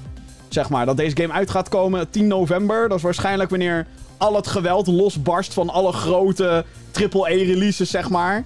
Is er dan nog tijd om dit te spelen? Heel hard gezegd. Ja, het is- ligt er maar aan hoe fan je bent, hè? Ja, nou ja. Kijk wel. Nee, dit is, eh, dit is inderdaad niks voor mij, dit. Oké. En we hebben weer een aflevering in de soap, dames en heren. Kom maar door. Stadia, Stadia.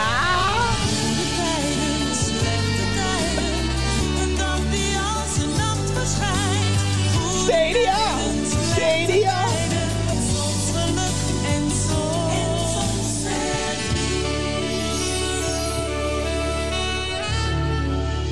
Google Stadia was voor ruim 30 minuten relevant, dames en heren. Oh. Ja, ja, nee, dit is echt. eh, dit vond ik zo'n gek verhaal. Oké, dit is wat er aan de hand is. Er lekte namelijk een volledig speelbare demo van de Ubisoft game Gods and Monsters op de dienst. Omdat het een Nou, clouddienst ja. omdat het een clouddienst is. Hè, dat is het hele idee achter Stadia. Hè, je hoeft niks te downloaden. Je kan gewoon lekker spelen en dan eh, meteen. Ehm, ja, omdat het dus een clouddienst is, ehm, kon je het meteen spelen. Deze demo, terwijl dat dus niet de bedoeling was. Gods and Monsters werd vorig jaar aangekondigd door Ubisoft. Het is een open world game die zich afspeelt in een cartoony versie van het oude Griekenland. Het team achter Assassin's Creed Odyssey die maakte de game. De demo die gelekt was, was een vroege alpha van al ruim een jaar oud. Onder andere menus en het dialoogsysteem waren direct geript van Assassin's Creed Odyssey. De game lijkt daarom ook erg op die titel, maar dan met een veel kleurrijkere stijl. Ook is er een stamina bar aanwezig als je klimt, wat dan weer doet denken aan The Legend of Zelda Breath of the Wild of Shadow of the Colossus die daarvoor nog kwam. De game heet eigenlijk ook geen and Monsters meer, zo werd bekendgemaakt na deze lek. Wel komt de titel naar PC, PlayStation 4, PlayStation 5, Xbox One en Xbox Series X. Waarschijnlijk krijgen we meer te weten tijdens de Ubisoft Forward presentatie die plaatsvindt op 11, of nee 12 juli. Dus ja, dit was, eh, dit was een dingetje. Ja, en ho- hoeveel mensen hebben dat gespeeld? Nou, volgens. Sta- of ik weet niet meer, maar Stadia zei dat er een paar honderd mensen het hebben gespeeld. En vervolgens ging Ubisoft natuurlijk op een dikke YouTube-strike. Zo van iedereen die gameplay uploadt, die, eh, die, eh, hè, die video's worden neergehaald.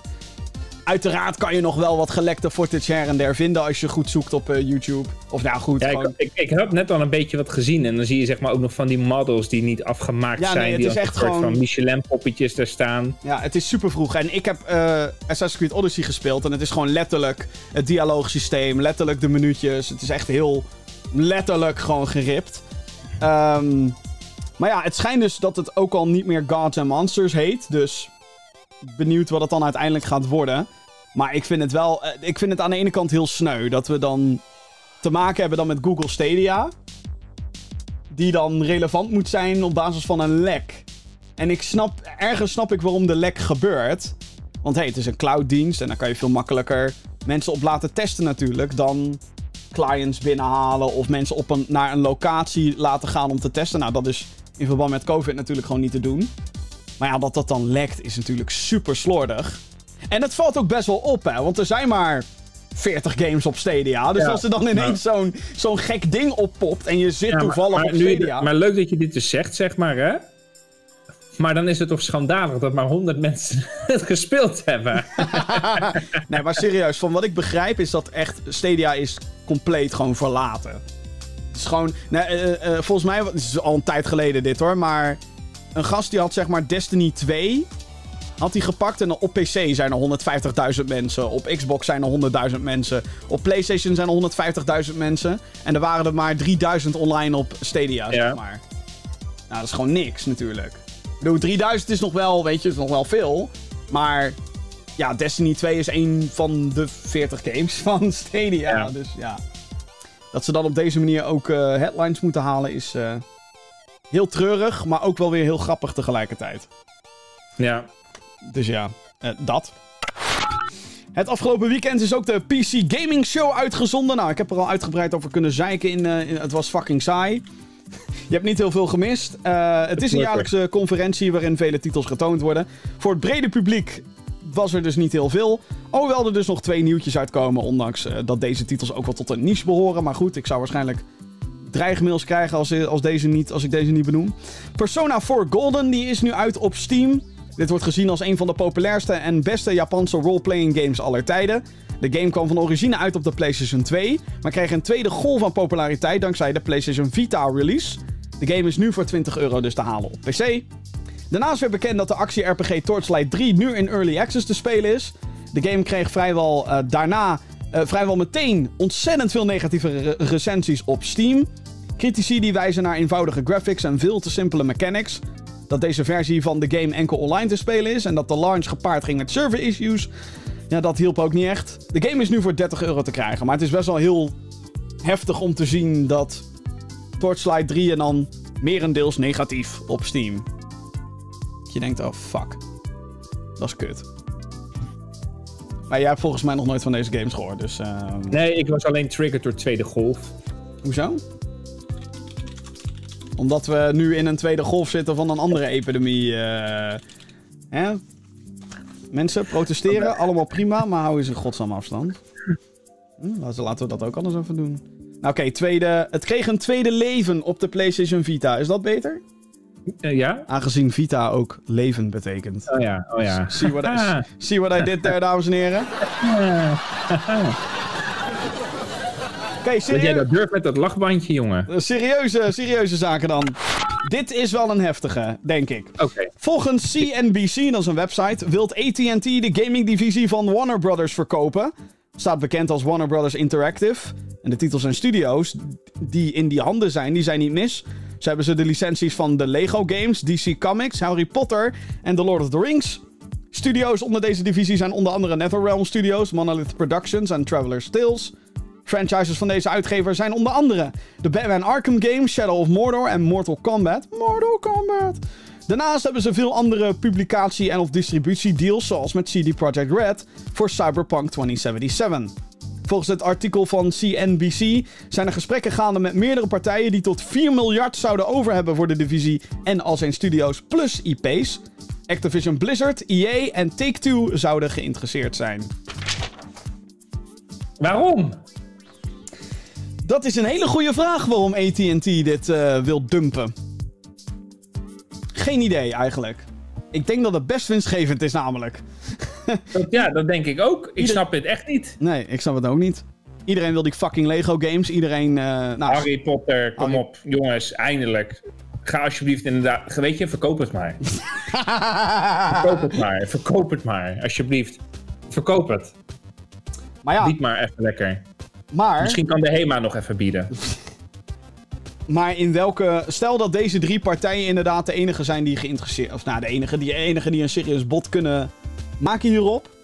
Nou, ik weet niet bij Disney is. Ja, nee, nee. Nou, Disney is, die heeft nul interesse in gaming. En dat hebben ze helaas al veel te lang laten zien. Dus daar zou ik ook niet willen dat dit erop geslokt wordt.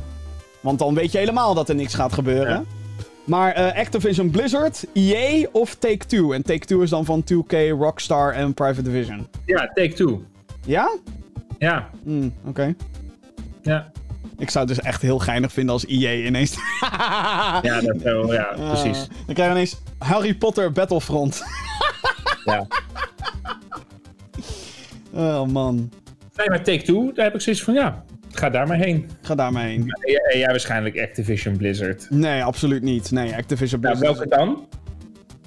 Nou, kijk. Dit, dit klinkt Ja, als iets... ik moet even iets kiezen en meneer die zwijgt eh, en die heeft zoiets nee, nee, van... nee, nee, eh, nee, nee, nee, nee. Nee, Wat ik, nou? ik ga Nee, maar- mijn mond niet over... Nee, nee, eh, nee, dat zeg... Nee, is- gast, je laat me niet eens uitpraten nu. Ik weet, ik weet het, ik zit je dwars! Wat nou als Wat nou? de console manufacturers hier achteraan gaan? Stel dat Sony ineens de Harry Potter Nee, licentie nee, in nee, handen nee, nee. heeft. Maar, weet je, De Harry hele gaming-industrie op beste op de Playstation. De hele gaming-industrie op zijn kop, jongen, als dat zou gebeuren. Daarom zou ik het fucking lauw vinden. Gaat niet gebeuren, maar... Ja, maar wat nou als Xbox in één keer dat ding Dan in komt zijn handen alles heeft? naar PC en dan I don't care. Ook goed. Dan moet Sony hun shit step up, upsteppen met hun fucking games. Want dan heeft Xbox er ineens een shitload aan dingen bij waarvan ze zeggen... Haha, niet op PlayStation. Fuck you. Maar, oké, nu een andere vraag. Wie van deze mensen eh, heeft tot, veel tot 4 miljard geboden?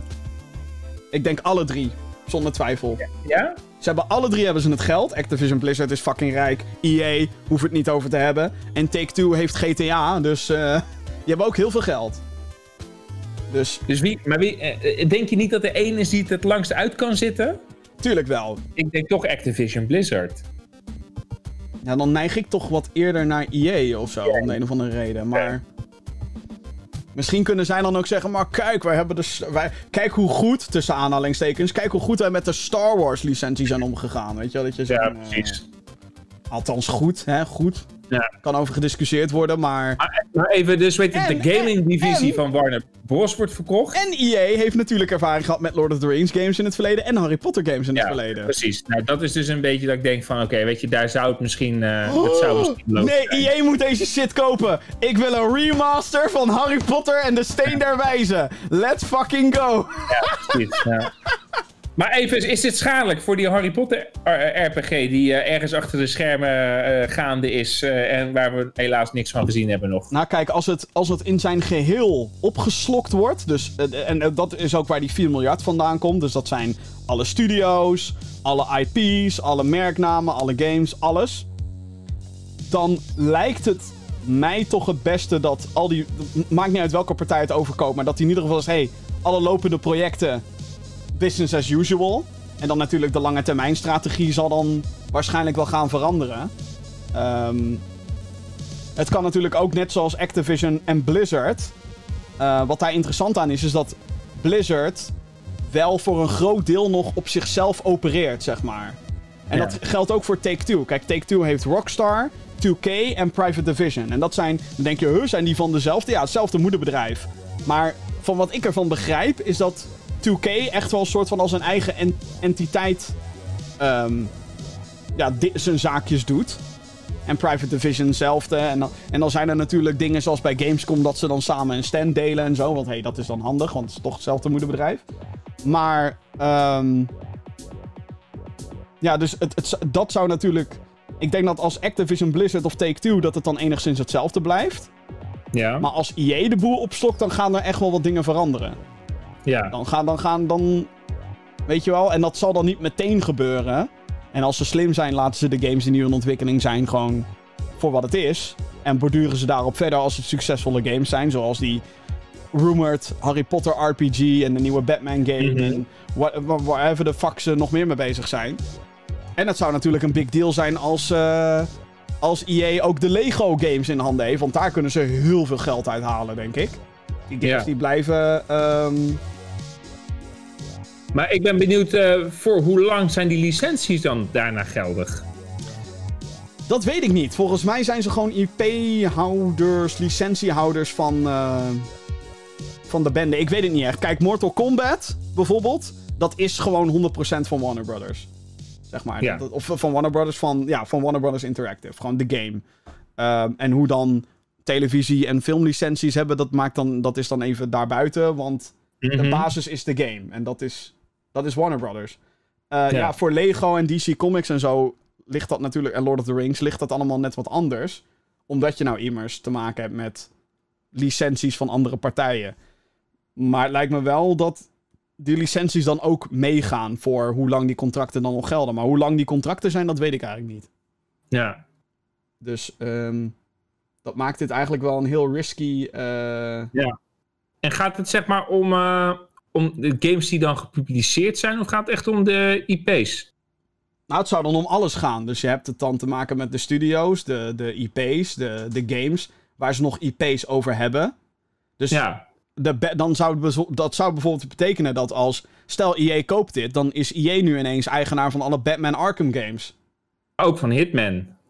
Eh, dat ligt net wat anders, omdat IO Interactive zelf de IP heeft van Hitman. Die hebben ze, Maar hebben ze dan niet de publicatierechten van Hitman? volgens mij hebben ze een distributiedeal met Warner Brothers, of een publicatiedeal. Zo van, hey, jullie publiceren deze game, maar de IP, dus het IP van de franchise, ligt nog steeds bij, bij IO. Die hebben ze namelijk een soort van gekregen van Square Enix, die dat eerst had.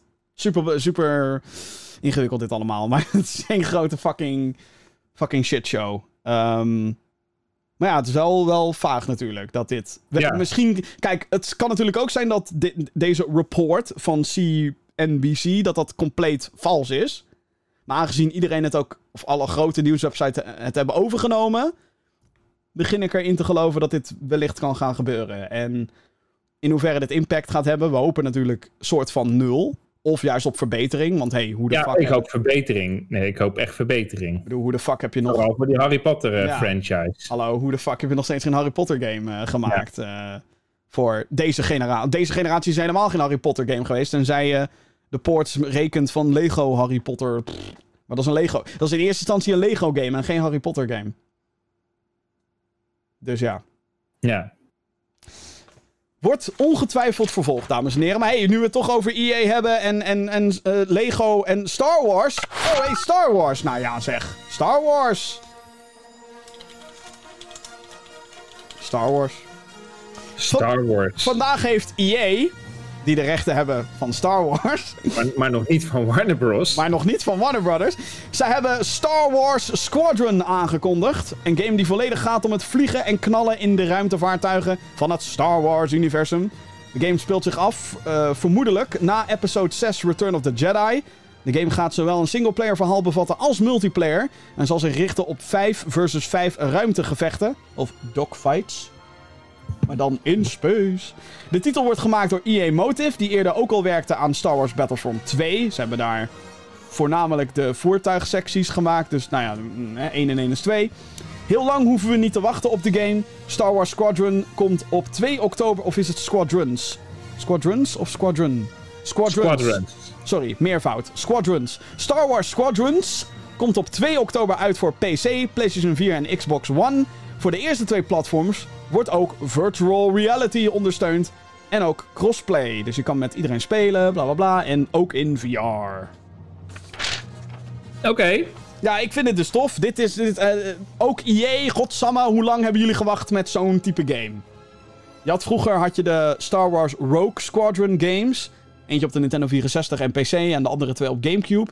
Die waren fantastisch. Dat was gewoon random missie. Nou, random, er zat wel een soort van verhaallijn in. Maar dat was dan gewoon. Oh, in de eerste was je Luke Skywalker. En ja, je ging gewoon vliegmissies doen. De ene, ene missie zat je in een X-Wing en moest je een convoy beschermen. Bij de andere zat je in een A-Wing en moest je een Imperial Base opblazen. En in weer een andere zat je in zo'n speeder uit episode 5. En moest je natuurlijk een walker neerhalen door met een kabel eromheen te vliegen. Wat qua kennen heel raar is, want de enige reden waarom ze dat deden is omdat hun wapensystemen er een beetje uitlagen en ze verder niks hadden. Maar hey, ik eh, vind het dus tof dat dit gebeurt. Ik ben alleen wel bang dat de game gewoon de voertuigmode uit Battlefront 2 gaat worden. Of althans de vliegdingen uit Ja, dat denk Battlefront ik 2. ook. Dat denk ik ook. En dan gewoon hier, een game. Ja, dat denk ik ook. Maar ja, waarom niet? ja, precies. De game wordt 40 euro ook trouwens, heb ik eh, gezien al. Dus het is niet de volle 60 euro die ze vragen, maar... Nou, leuk als je van Star Wars houdt. Je houdt toch ook van Star Wars? Jim, echt, ik ga niks Nee, nee, met nee. Ik zou Nee. er echt met een goede film komen. En dan ga ik ze weer een beetje vertrouwen. Oké, de Mandalorian, maar daar is geen game van. Dat was een poging tot de Mandalorian. Ja, maar ik bedoel, de, de originele films blijven toch nog tof. Zeg maar, die blijven tof. Ja, maar het heeft allemaal wel echt een na guacamole smaakje die wat beschimmeld eh, is aan het eind. Hoe lekker die nachos ook waren, die guacamole had er niet bij gehoeven. Eh, god, god, god, god. Heb jij een vraag voor de show? Mail naar podcast.gamergeeks.nl Uiteindelijk komen we er, dames en heren. Eh, de mailbox die is natuurlijk 24 uur per dag, 7 dagen per week beschikbaar. Als de mailserver er niet uit ligt. Nee, dat is tot nu toe dat is, eh, heel lang al niet meer gebeurd. Anyway, podcast.gamergeeks.nl natuurlijk eh, de mailbox. Nou, we hebben weer een aantal leuke mailtjes gekregen. De eerste is van Johan. Korn, niet van, van Johan Gaming Geeks. Beste Jim, met veel plezier luister ik naar je podcast en passie over games. Ik koop vaak games, heb inmiddels een kamer vol, nou je bent niet de enige. Ehm, maar ruimtegebrek is mijn grootste probleem. Ik kan je de hand schudden, mag alleen niet. In verband met, nou je weet al. Ik hoor vaak in je podcast dat je collector's editions koopt. Mijn eerste vraag is, waar laat je al dat spul? En zou je ze rondleiding willen geven met wat je inmiddels hebt? Een soort tour. Nou, dat klinkt als een hele leuke vraag. Dat klinkt als een hele leuke vraag. Alleen dat zou wel betekenen dat ik alles een keer op een rijtje moet hebben. niet ja, alleen maar dat betekent dat je dus alles een keer moet laten zien. Eh, En we weten nog steeds niet waar je alles bewaart. Het is een beetje rondom het gehele huis, zeg maar. Stapeltje hier, stapeltje dozen hier, stapeltje dozen daar. Het is een beetje een shitshow, eigenlijk. Ik moet een keertje alles gaan ordenen hier. Dus dat. En, en dan, ja, waar laat je het? Ja, zeg maar, daar waar normaal gesproken onderbroeken horen te liggen, Ja. daar ligt een Tomb Raider poppetje. Ja, daar waar normaal gesproken, die jongen die ligt zeg maar niet op een kussen, nee, die ligt op zo'n Mario, eh, Super Mario knuffel. Ja, weet je, zo, zo pakt hij dat allemaal in. Gaming, dat zeg maar, dat, dat abs- Jim absorbeert gaming. Ik heb geen slaapmasker, ik heb gewoon een doomhelm. Gewoon. Ja, precies. Ja, zo loopt hij zeg maar in de, zo zit hij in de metro in plaats van zijn coronamaskertje. Heeft dat ding heeft hij een doomshelm Oh op. nee, ik heb wel een mond, mondmaskertje. Je hebt een mondmaskertje? Ja, met het GamerGeeks logo nog wel. Waarom heb je dat? Nou ja, als Je ik, bent, het, ben je al in het OV geweest met zo'n Nou, maskertje? als ik het OV in moet, en nou die En kans. met een mondmaskertje zit hij daar dan een Ja, beetje. met, met het GamerGeeks logo, ja zeker. Ja. En ik, heb je- ik, ik, ik ben trots op jou. En dan heb je dit effect. Maar ja, het is natuurlijk wel zo dat als je twee keer een boete krijgt, kan je geen Collector's Edition meer kopen. Twee keer een boete is inderdaad wel een flinke collector's edition, ja. ja, dat is een flinke Collector's Edition. Eh, en vraag 2, waarom zou je nog collector's editions kopen als je de game niet eens echt krijgt, maar alleen een code? Dan blijft er toch geen waarde meer over, vraagteken. Dankjewel voor de podcast en ga zo door. Groetjes van Johan. Dat je de game er niet bij krijgt, dat ligt er natuurlijk aan welke versie je koopt. Want bij de console-versies krijg je vaak wel gewoon de steelbook met de disc erin, bla bla bla. Voor PC daarentegen, ja. Maar ja, aan de andere kant, wat moeten ze op die disc zetten? Want vaak is de data erop zetten. Ten eerste is dat heel erg dan heel erg pirate gevoelig, zeg maar. Van, oh, dan kunnen we gewoon die game gaan rippen. En ten tweede, vaak moet je toch wel een day one patch eroverheen gooien. Of is het een Steam ding? En ik weet nou niet. Ja, er zat natuurlijk vroeger wel. Of nog steeds zal die functie er waarschijnlijk in zitten. Dat als je een disc van iets erin gooit, dat je dat dan koppelt aan Steam account. Maar dat je moet je die code weer invoeren, bla bla bla. Ehm, dus ja, dat is wel frustrerend. Ik heb vaak wel van, joh, ik wil gewoon een. Ja, een disc erin zou wel fijn zijn voor PC-versies. Maar ja, wat heb je er uiteindelijk aan? Ik bedoel. Ja. Dat is ook inderdaad een beetje. Maar de reden waarom ik die Collector's Editions natuurlijk al koop. Is omdat. A, je krijgt de game natuurlijk wel. Ook eh, niet fysiek als het gaat om PC. Maar je krijgt hem wel, zeg maar. Het is niet alsof die game er niet bij zit ineens of zo. Want als er, als er, er zijn Collector's Editions geweest waar de game dan niet bij zit. Dan denk ik ook, ja, fuck jou. Ja, dat is onzin. Kleur op. En ik vind sowieso dat dan ook de Season Pass of whatever the fuck, dat moet er dan ook gewoon standaard bij zitten. Naar mijn opinie. Ehm, En een downloadable content vestje. ja, de fucking pre-order bonus bullshit. Ja, whatever. Dat is vaak eh, dat ik denk, pff, whatever. Maar de Season Pass, zeg maar, dat moet er wel bij zitten. De- de- dus, ja. En, en waarom ik het koop, trouwens, die Collector's Editions, is omdat ik het geinig vind. Ja, Omdat hij het geinig vindt, ja jongens. ik vind het Omdat geinig. hij het geinig vindt. Ja, nee, vind ik leuk. Ik, Ja, ik vind het leuk om die beeldjes te hebben. Ik vind het leuk om die... die- Lachen is wel geinig. Ja, Geinig is zeg maar, eh, weet je, de grap was, was wel geinig. Het was niet leuk, het was niet, niet tof, maar het was wel, ah, was wel aap. Ja, nee, ik, ben op- ik kan oprecht zeg maar heel Die enthousiast... beeldjes, die beeldjes die triggeren zijn onderste lachspier. Zo van... oh ja, hier heb ik een collector's idee. Van 250 euro. En dan is het zo, zo fucking kakkie, hè. Zo van, kijk, iets 250 euro. Ah, nee, kijk. Ah joh, coronaboete omdat ik geen mondmasker. Dat is wel geinig. Ah, nee, dat is niet geinig. Dat is, dat is wel geinig. Niet spotten, niet spotten met die shit. Nee. Oké. Ook niet. Jezus. Said, die heeft gemaild. eh, beste Jim en Vincent, ik heb een hele... Nee, dat staat er niet. Ja, daar staat dat Jeroen. staat er niet. Er staat Jeroen, dat maar... staat niet in de mail, Jim. Ik heb de mail voor me. Dat staat er niet. Jongen, ik corrigeer, maar... Ik denk dat Said ook jou bedoelt. Als je had geweten Maar van dat tevoren... staat er niet. Zeg wat er staat. Nou, dan lees ik wel wat er staat. Beste Jim en Jeroen. Maar die is er niet, het is Vincent. Hè? Jeroen? nou ja, Said. Nou ja. Ik heb een hele grote collectie PS Plus games in mijn bibliotheek geclaimd. En er zitten een paar pareltjes tussen die ik nog moet spelen. Maar niet alle tijd ervoor eh, heb, helaas in verband met werk. Ja, same story. Story of my life. Is het mogelijk om mijn PS Plus games nog te spelen op de PS Plus? Want volgens jullie komt de PS5 met backwards compatibility. Maar ik weet niet of dit ook geldt voor de PlayStation Plus games. Nou, jawel. Ik kan je wat dat betreft wel geruststellen. Als de PS5 inderdaad volledig backwards compatible is, dan zullen je PS, PlayStation Plus games daar ook gewoon werken. Maar dit hebben we natuurlijk nog niet 100% bevestigd gekregen. Maar als ze dat niet doen, zijn ze fucking dom en is dat heel consumentonvriendelijk. Vincent. Ik probeerde Jeroen te bellen, maar hij nam niet op. ik, eh, Jim, ik laat dit. Dit is jouw vraag. Ja, nee. eh, dit is helemaal aan jouw ding. Nou, ik denk het wel. de- Nou, wat, is, hey, wat is de PS Plus? Nou ja, ik denk dat hij bedoelt, kan je je PlayStation Plus games meenemen naar PlayStation 5. Als je via hetzelfde account ja, inlogt. tuurlijk. Ja, ja oké. Nou, als Vincent zelf zegt tuurlijk, dan moet Sony het wel doen. Anders zijn ze sukkels. Ik heb nog een vraag, maar dan over de cross-gen games. Specifiek over The Last of Us Part 2, Ghost of Tsushima en FIFA 21. Zullen deze game er totaal anders uitzien op de PlayStation 5? Of zullen het gewoon een soort van remastered versies eh, zijn? Ik hoop dat je het antwoord weet en hoor deze graag in je podcast. Groetjes van Zaid. heel eerlijk, The Last of Us Part 2, Ghost of Tsushima en FIFA 21 zijn alle drie officieel nog niet bevestigd of aangekondigd voor PlayStation 5. Eh, FIFA 21 komt natuurlijk wel naar. eh, dat lijkt me heel raar als dat niet gebeurt. Maar met name The Last of Us Part 2 en Ghost of Tsushima. Die komen gewoon naar PS4 hoor. Die, daar is nog niks over bekend of ze naar PS5 gaan komen. En hey, als je dan backwards. Naar PS5. Wat zei je? Tuurlijk, ja, precies. Backwards compatibility. Ja. Dus, En komt er dan iets van een patch overheen waardoor dingen mooier zijn?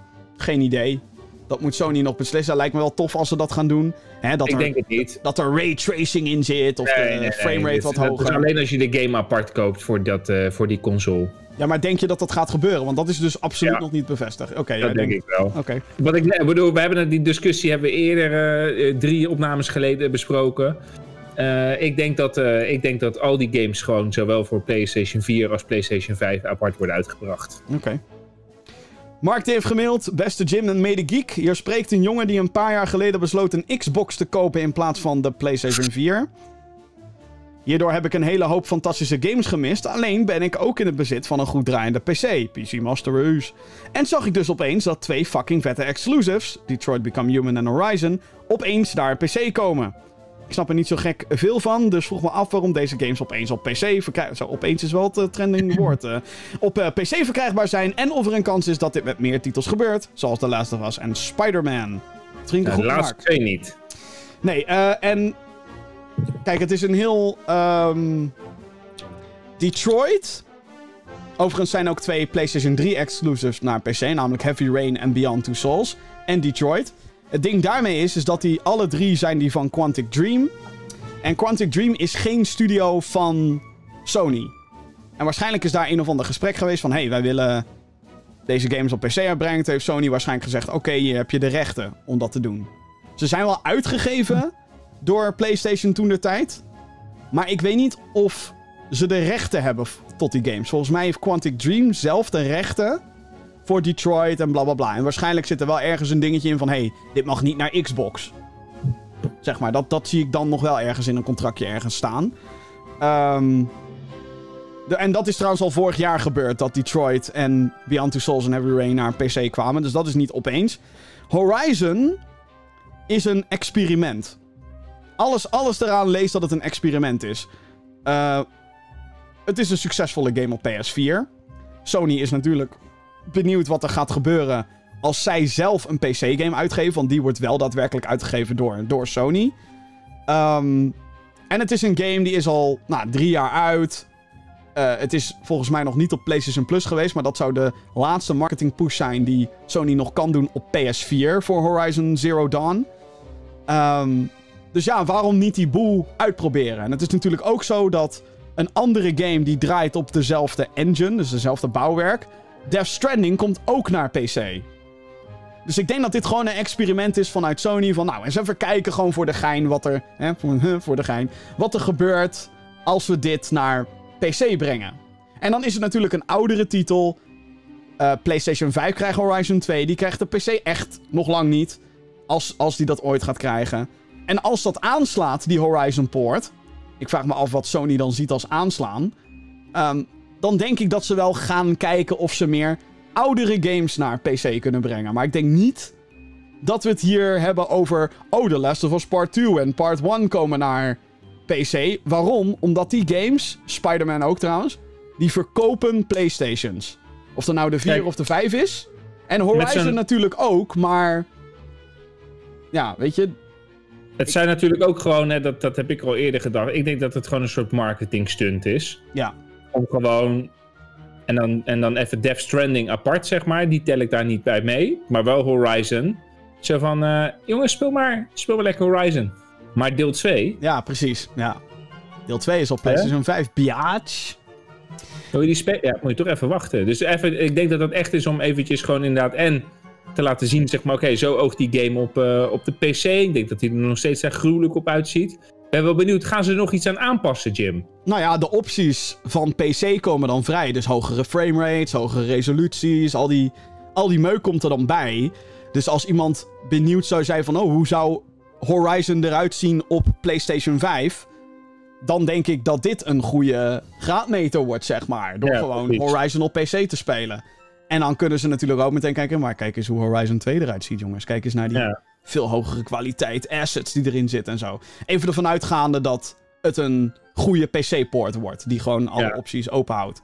Dus ja, ehm, het is echt een experiment. En ik denk niet dat we ervan moeten uitgaan dat The Last of Us naar PC komt of The Last of Us Part 2. En al helemaal geen Spider-Man, want dat is natuurlijk een deal geweest tussen Sony en Marvel om ja, toch wel het populairste personage te gebruiken voor een franchise op PlayStation. Ehm, ik denk gewoon niet dat je ervan uit moet gaan. Absoluut niet. Nee, Misschien dat ze nog een keer zo'n experiment gaan doen, maar dan moet je denken aan, weet ik veel, de eerste Ratchet Clank naar PC een keertje, omdat het kan. Of naar de eerste als in 2016 PlayStation 4 Ratchet Clank. En eh, er wa- was ook wel gerucht dat Bloodborne naar PS5 en PC komt. Nou, dat zie ik dan ook gebeuren, weet je. Oh ja, Bloodborne, ja, ja, ja, ja. En dan, dan daarna natuurlijk meteen Bloodborne 2 aankondigen, want daarmee verkoop je de PlayStation 5. En Mhm. hoe dat dan in de lange termijn gaat, of dan games daarvan uiteindelijk naar PC komen, dat zien we dan wel weer. Maar ik ben heel benieuwd naar Horizon op PC. Ik ga hem zeker uitproberen om inderdaad gewoon te zien hoe is Horizon op PC.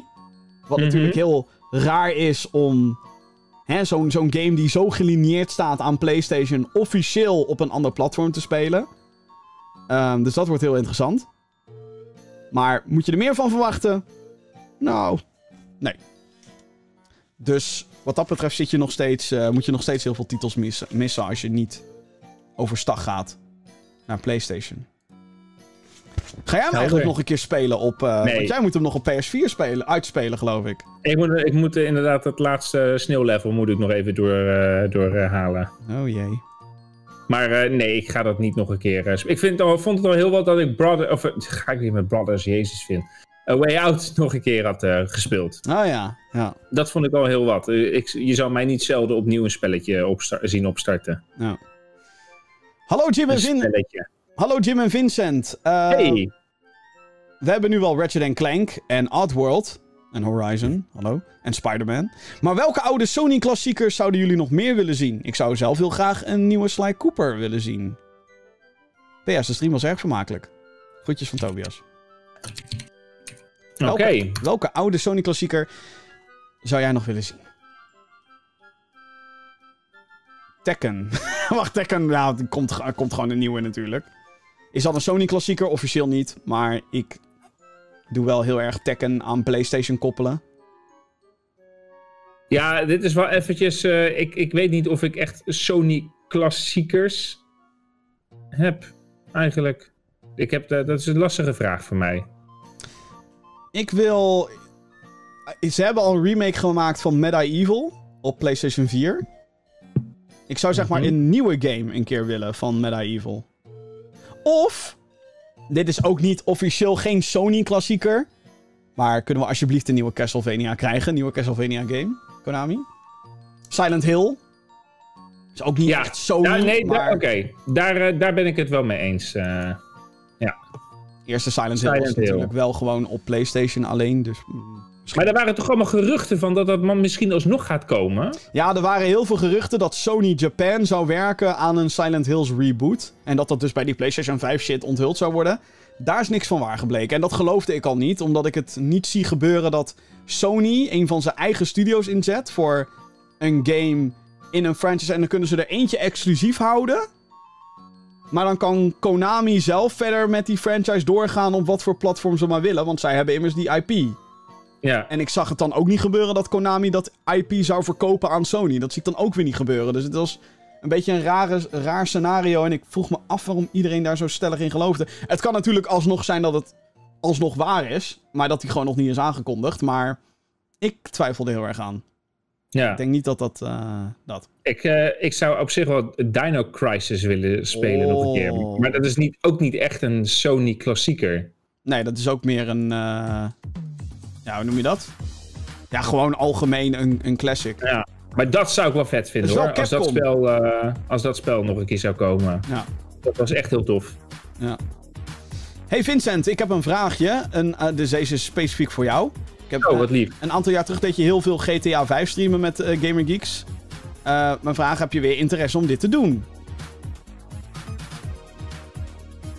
Nou, weet je, dat is zo, ik heb altijd wel de interesse om het te Under doen. pressure. Du, du, du, du, du, du. Nee, nee, helemaal niet under pressure. Nee, ik heb op zich wel, eh, ik heb wel de interesse om het te doen. Alleen mijn PC die ik nu heb, is totaal niet in staat om dat op dit moment aan te kunnen. En het is wel dezelfde PC als dat ik destijds had. Maar deze is zeg maar echt, eh, die, hij zit helemaal vol. En het schijfruimte vinden is echt een groot probleem. Dus dat moet ik eerst tackelen. En sowieso en een spel helemaal goed spelen en daarnaast nog eens streamen. En daarnaast nog eens alle toeters en bellen die ik wil gaan uitvoeren als ik ga streamen. Ja, dat, eh, dat wordt heel lastig. Dus eh, ik zie mezelf op deze computer die ik nu heb geen GTA spelen. Eigenlijk zie ik mezelf op deze computer helemaal geen game spelen. En dat lieg, ik, dat lieg ik, want ik heb laatst onlangs wel... eh, dat, die kan ik nog toevoegen aan het lijstje. Ik heb laatst onlangs wel... Civilization 6 opnieuw gespeeld. Nou, dat was hartstikke leuk. Dus dat is, eh, maar dat is dan ook echt heel lang geleden dat ik op deze computer een, eh, een spel heb Dat gespeeld. is heel Maar- lang geleden. Ja, heel lang geleden. Maar een nieuwe computer, die hoop ik wel samen met de Jim en Jeroen dit jaar eh, aan te kunnen schaffen. Oh my god. 3080 eh, Ti-kaart. Dat- Of die Ti zullen nog even moeten wachten, maar die, daar ga ik dan wel voor. Ehm, dus, eh, en, en daarop zijn misschien dat soort dingen wel weer We mogelijk. krijgen drie keer de beast. 666. En Jari die mailt, zijn jullie eventueel benieuwd naar de remaster van Kingdoms of Alamur Reckoning door THQ Nordic? Ik heb deze game altijd een gem gevonden. Met fantastische combat in een leuke fantasy world. Wacht even, hoe heette dit grapje, Jim? Kingdoms of Amalur. Amalur. A-M-A-L-U-R. Ja, ik, eh, ik heb deze game nooit gespeeld. En gezien er allerlei andere gekke ehm, remasters en games uitkomen. Wanneer kwam dit uit überhaupt? Ik weet niet of ik daar tijd voor heb of zo. Ja, ik eh, sluit mij compleet bij jou eh, aan. Eh, 2012. Ja, dat is het origineel. Maar daar komt dus een remaster van uit. Ja, en die komt nu eh, 11 augustus 2020. Oh ja, augustus 18 2020. augustus staat hier. Oeh. Ik weet het niet. Ik weet het niet. Hm. Ja, ik weet het wel. Ik ga dit niet doen. Ja, oké. Ja. Eh, ja, nee, dat is, eh, gewoon, eh, dat is gewoon niet realistisch voor mij. Marijn die heeft gemaild. Beste heren van deze fijne podcast. Ik vroeg me af of het handig is om meteen een PlayStation 5 te kopen. Of dat het handig is om even te wachten tot de slim versie uitkomt. uitkomt. Nou, Ik heb zelf een normale PS4. Vind dat erg veel lawaai maakt. En hij heeft een probleempje dat soms mijn disc die eruit gooit. En ik las dat meer mensen hier last van hebben. Eh, nu lost een PS4 Slim dit soort problemen op. En vroeg me dus af of het dan misschien handig is om even te wachten. Nou kijk, eh, één ding kan ik al zeggen. Er is een hele simpele tutorial die online staat. Als jouw PlayStation 4 je disc eruit gooit, moet je even dat klepje eraan afhalen. En dan moet je even een goede YouTube-video zoeken die dit ook doet. Maar als jouw PlayStation 4 er discs uitgooit, omdat dat ding trilt, omdat hè, laden, computer, bla bla bla, gaat er een schroefje los zitten. En dat is zeg maar het schroefje die detecteert of er een disk in zit of niet. En als die dus loskomt, dit heb ik, hier heb ik zelf ervaring mee gehad, eh, dan denkt hij continu dat er een disk in zit. En dus spuugt hij alles uit. Dus wat je moet doen is even dat klepje eraf halen. Gewoon die, die, die faceplate, zeg maar. Die je er gewoon makkelijk... Dat doe je ook als je een harde schijf wil wisselen en zo. En gewoon dat ene schroefje een beetje aandraaien. En dan is het gefixt. nou, en ik heb op zich ook wel een antwoordje voor je. Ja, dat was... Wel Dat, we er allemaal van uitgaan dat er een PlayStation 5 Slim komt. Mm, ja, ik denk wel dat dat gaat gebeuren. Want dat gebeurt Ja, maar bijna dat, is, altijd. maar dat, is gewoon, dat zal gewoon een upgrade variant zijn, zeg maar. Maar of dat dan... Mm, hoeft ook niet per se, hoor. Want de PlayStation 4 kreeg ook een kleinere versie, zeg maar. Maar weet je, je wil niet naar een... Ik vind 800 tera of 800 gig die erin zit, dat vind ik al aardig slim. Ik geloof niet dat je zeg maar, met nog minder moet.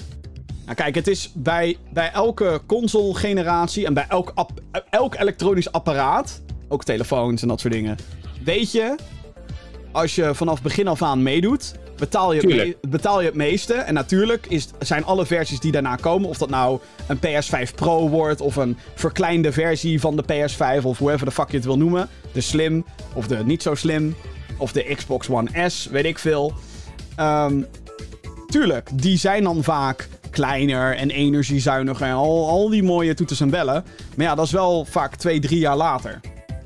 En dan nu Precies. zeker met, met het risico tussen aanhalingstekens dat er een pro-versie bij komt. En ik weet, zeg maar voor mezelf, ik weet de games die nu al zijn aangekondigd, heb ik fucking veel zin in. Ik wil gewoon de nieuwe PlayStation hebben. Ik heb daar gewoon. Dus, en, en, dus ik ben daar helemaal op voorbereid. Dat is mijn mindset, zeg maar. Dus voor mij is dat overduidelijk. Ja, ik ga voor de PlayStation 5. Wil je wachten? Ja, Ja. dan kan je wachten. Maar ik denk niet dat de, de kinderziektes die de PlayStation 4 had. vind ik niet dusdanig erg of zo. Dat dat mijn ervaring verdoezelt. En ook eh, moet je natuurlijk vanuit gaan. Als het heel veel lawaai maakt. Moet je ook even opletten, waar komt dan door? Moet je even kijken of er misschien stof in, eh, in, in zit en zo. En tuurlijk, ik weet het, de PlayStation 4 kan heel veel herrie maken. Soms echt net alsof er een fucking vliegtuig opstijgt. Als, je, als, je, als dat ding veel moet laden. Maar Maar je, je, ga- je gaat er gewoon vanuit dat die errors alweer in een PlayStation 5 ook getackled zijn, toch? nou ja, kijk, het is wel weer een nieuw apparaat. En er zal ongetwijfeld weer iets... Er zal altijd wel iets fout zijn bij een console. Dat is bijna altijd zo, denk ik. Nou, eh, om een soort van antwoord te geven op die vraag, want dat gaf jij ook. Ik ga in ieder geval nog niet meteen de PlayStation 5 aanschaffen. Maar ik ga ook niet wachten op een slim versie. Maar ik doe dat niet, eh, ik doe dat niet rechtstreeks. En niet zozeer omdat ik bang ben dat er errors en zo eh, komen. Maar ik denk van ja, ja. Moet ik nou in november al meteen eh daar gaan zitten wachten? Nou, nee, ik denk dat ik gewoon lekker wacht op mijn verjaardag weer of zo. Ik ga trouwens even wachten tot Horizon komt. Vond dat, een, eh, dat was een excuus om Ah, een. PlayStation eh, Terabyte eh, of een PlayStation Pro aan te schaffen. Met een En ik denk dat 4K-tv. ik, met een VR-headset. Dus ik denk dat ik dat hier, dat ik hier ook even ga wachten. Volgende mailtjes van Stef, beste Gaming Geeks. Nog, nee, nog één vraag, nog één vraag aan jou. Jim. Wat dan? Is mijn PlayStation VR, is die compatible met mijn PlayStation 5? Ja, Oké. is bevestigd door Sony. Beste Gamer Geeks, Stef die heeft gemaild. Nu de PlayStation 5 uitkomt, komen er uiteraard nieuwe games. Maar hoe zit het met PlayStation Plus? Zal het net zoals PlayStation 4 verplicht zijn om online te kunnen gamen of is dat niet nodig? Nou, officieel, officieel weten we dit nog niet. Maar, Maar je, kan er, maar ja. je kan ervan uitgaan dat dat inderdaad het geval is. Dus ja, ik zou gewoon zeggen ja. Eh, tering, wat is die Vincent Zuur zegt? Jezus Christus, dat zegt Mark. Leuk mailtje. Eh, even kijken. Dank je, Mark. Ik ook van jou. Ja, Jarne die heeft gemaild. Eh, beste geeks, wat vonden jullie van de PlayStation 5 presentatie? Ik was wel een beetje teleurgesteld dat we niets van die Harry Potter RPG hebben gezien of iets van Silent Hill. Ik had ook wel gedacht dat ND met een teaser ging komen van iets nieuws. Eh, en met ND bedoel je denk ik Naughty Dog, de studio achter The Last of Us en Uncharted. Nou, die hebben net The Last of Us afgemaakt. Dus als je dan echt denkt dat ze binnen een paar maanden met iets nieuws kunnen komen, dat is heel erg wishful Nou, thinking. Maar het zou sowieso marketingtechnisch zou het niet slim zijn. Je wil niet dat, Dat je gaat niet, nee. afleiden nu. Nee. En tuurlijk, En- het kan zo zijn dat e- één studio meerdere projecten doet. Kijk naar Insomniac, die maakt nu en een Spider-Man game en een eh Ratchet Clank bijvoorbeeld. Maar van wat ik heb begrepen is dat Naughty Dog echt alle hands aan dek had wat betreft The Last of Us, part 2. Dus ehm, nee, die hebben nog, eh, die, die zijn, tuurlijk zijn ze al wel aan het nadenken met wat gaan we na The Last of Us doen. Of dat hebben ze gedaan. Ehm, maar ik denk niet dat daar al con- concrete plannen liggen, als ik heel eerlijk ben. Nee. En ja, die Harry Potter RPG. eh, we hebben niks van Warner Brothers gezien. Deze presentatie. Ehm, dus het, het verbaast me ook niet heel erg. Ik had het natuurlijk wel tof gevonden, maar... Kan ik daarover teleurgesteld zijn? Nee, Silent Hill idem. Dus eh, dat. Ja, ik had het niet verwacht of zo, Harry. Nee, ik ook niet. Nee. Even kijken. Ehm... Even kijken, dit is een vraag van Servando weer. Hey Jim, ik was helaas niet de hele stream aanwezig, maar... Wat vind je ervan dat May naar jouw Favo game is gekomen, Heroes of the Storm? Oh, dat wist ik helemaal niet. Leuk. Ik denk dat Vincent echt nul dingen. Die weet helemaal niet. May is een character uit Overwatch en die komt nu naar de MOBA Heroes of the Storm. Dat vind ik leuk, want ik speel heel veel Heroes of the Storm. Maar dat is leuk. Noah, Nou, laatste mailtje. Laatste mailtje vanavond is van Noah. Dag Jim en Vincent. Ik ben enorm benieuwd naar jullie mening over het feit dat GTA 5 voor de derde keer op next-gen platformen uit zal worden gebracht. Hoe denken Ja, jullie hierover? hilarisch. Eh, ja, het is inderdaad fucking hilarisch. Ehm kijk, we, hebben een, we hadden eerst natuurlijk de PlayStation 3 Xbox-versie. Toen de PS4 Xbox One-versie. Daarna de PC-versie. En nu de PS5 Xbox Series X-versie. Ja, dat is echt te grappig. En weet je wat het leuk is? Het gaat als een motherfucker Het gaat verkopen. verkopen, ja. het gaat verkopen, ja. Ja, Ik wil ook- weer. Als trouwens iets duidelijk maakt over. Want er zijn van die mensen die, die, die riepen ook over die PlayStation-presentatie. Ik verwacht GTA 6. Nou, voorlopig niet.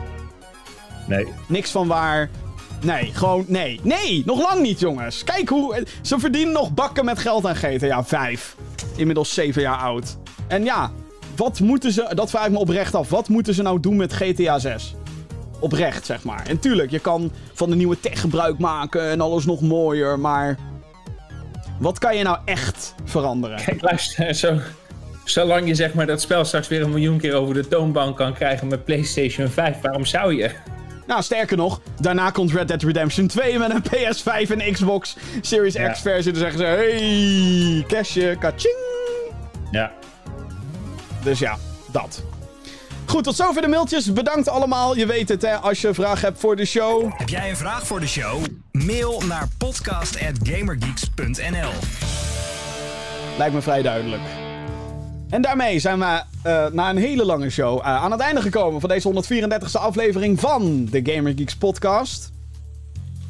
Vincent, leuk dat je er weer bij was. Ja, het was me genoegen, Jim. Het was een eh, noodzakelijke show vol met nieuws, nieuws, nieuws, nieuws, nieuws, nieuws. Voor met verzuurde reacties. Nou, één, één reactie. Je mag ook een beetje kritisch zijn, dat vind ik goed. Ja, ja dank je, dank je. Iemand mag wat doen aan mijn ongekende positiviteit. Ja, ik zit daarom graag. Ik, ik, ik, ik schaf graag dat uh, kaf van de koren. Ik ben altijd positief. Opdonderen met al die sidescrollers en al die eh, indie meuk. Sorry. Wauw. Wauw. Oké. Tot zover al die horror, eh, horror games die jij leuk vindt, want dat zijn ook allemaal indies. Tot zover, tot zover alle shooters die jij behandelt. nou ja zeg. Doom Eternal is geen indie. Ja, echt, dat is een kutspel. The fuck you, jongen. Oké, nou. Anyway, ehm, mocht je dit enigszins leuk hebben gevonden, dan kan je natuurlijk abonneren op deze podcast via je favoriete podcastdienst, zoals Google Podcasts, Apple Podcasts en Spotify. Er is ook een videoversie beschikbaar op youtube.com slash gamergeeksnl. Eh, en je moet sowieso abonneren op dat YouTube-kanaal, want we hebben daar een aantal mooie dingen staan. Zoals die analyse van die PlayStation 5-presentatie, waardoor je wat meer context krijgt over nou ja, alles wat daar getoond werd. Eh, er staat ook een video van mij online waarin ik de mainstream media een beetje afzeik van hoe zij met games omgaan. Geweldig, was echt leuk. Ook de moeite waard, al zeg ik het zelf. Ik heb ervan genoten. Trouwens, Jim, bedankt voor de brownies die ik van jou heb ontvangen. Oh ja, ja. Ik heb een pak brownies gekregen vorige week. En ik dacht, eh, waar komt dit nou in één keer vandaan? Wie heeft mij een pak brownies nou gestuurd? En het enige wat ik zag was een zonnebril-emoji van Jim. Toen dacht ik, oh, ai. Maar hartstikke lief van je. En die heb ik heerlijk eh, zitten verorberen. Terwijl ik, naar je, terwijl ik naar je media rant heb zitten kijken. Ik vond hem echt ontzettend grappig. Dus de moeite Ik- waard om te kijken. Ja, ik, ik vouch. Mijn, eh, mijn review van Mafia 2 Definitive Edition die staat ook online. Die eh, zou ik ook zeker aanraden, want ehm, nou, daar komt de zure Jim in naar boven. En deze week komt er ook veel meer online op dat mooie Gamer Geeks. Of dat nou YouTube kanaal is op de website of de website. Een nieuwe ASMR-sessie van Jordi. Een nieuwe Fuck the What van Jordi. Zeg maar de leukste klaagmuur die je kan hebben op het internet. En hey, The Last of Us Part 2 komt uit, eh, komt uit. Ik heb een Collector's Edition besteld, dus die moet opengemaakt worden. En donderdagavond, eh, god, dan moet ik, eh, 18 juni geloof ik. Zeg maar donderdagavond nacht. Ja, dan is de EA Play presentatie. Dus dan gaat EA met meuk komen. FIFA. Gameplay hopelijk van die Star Wars game waar we het over, hier over hebben gehad. En misschien nog wel meer. Of? Warner Brothers aankopen. Als ze dat daar aan... Zo. Dat zou heftig zijn, jongen. We are EA. We just bought fucking Warner Brothers. First we had a lot of money, but now we're gonna get all the money. Al dus Andrew Wilson, CEO van EA. Geen idee. Anyway, dus eh, hou Gaming Geeks in de gaten voor al dat moois. Vincent, bedankt nogmaals dat je erbij was. Eh, jij bedankt voor het kijken dan wel luisteren. En graag tot de volgende keer. Tot de volgende Gamer Geeks podcast.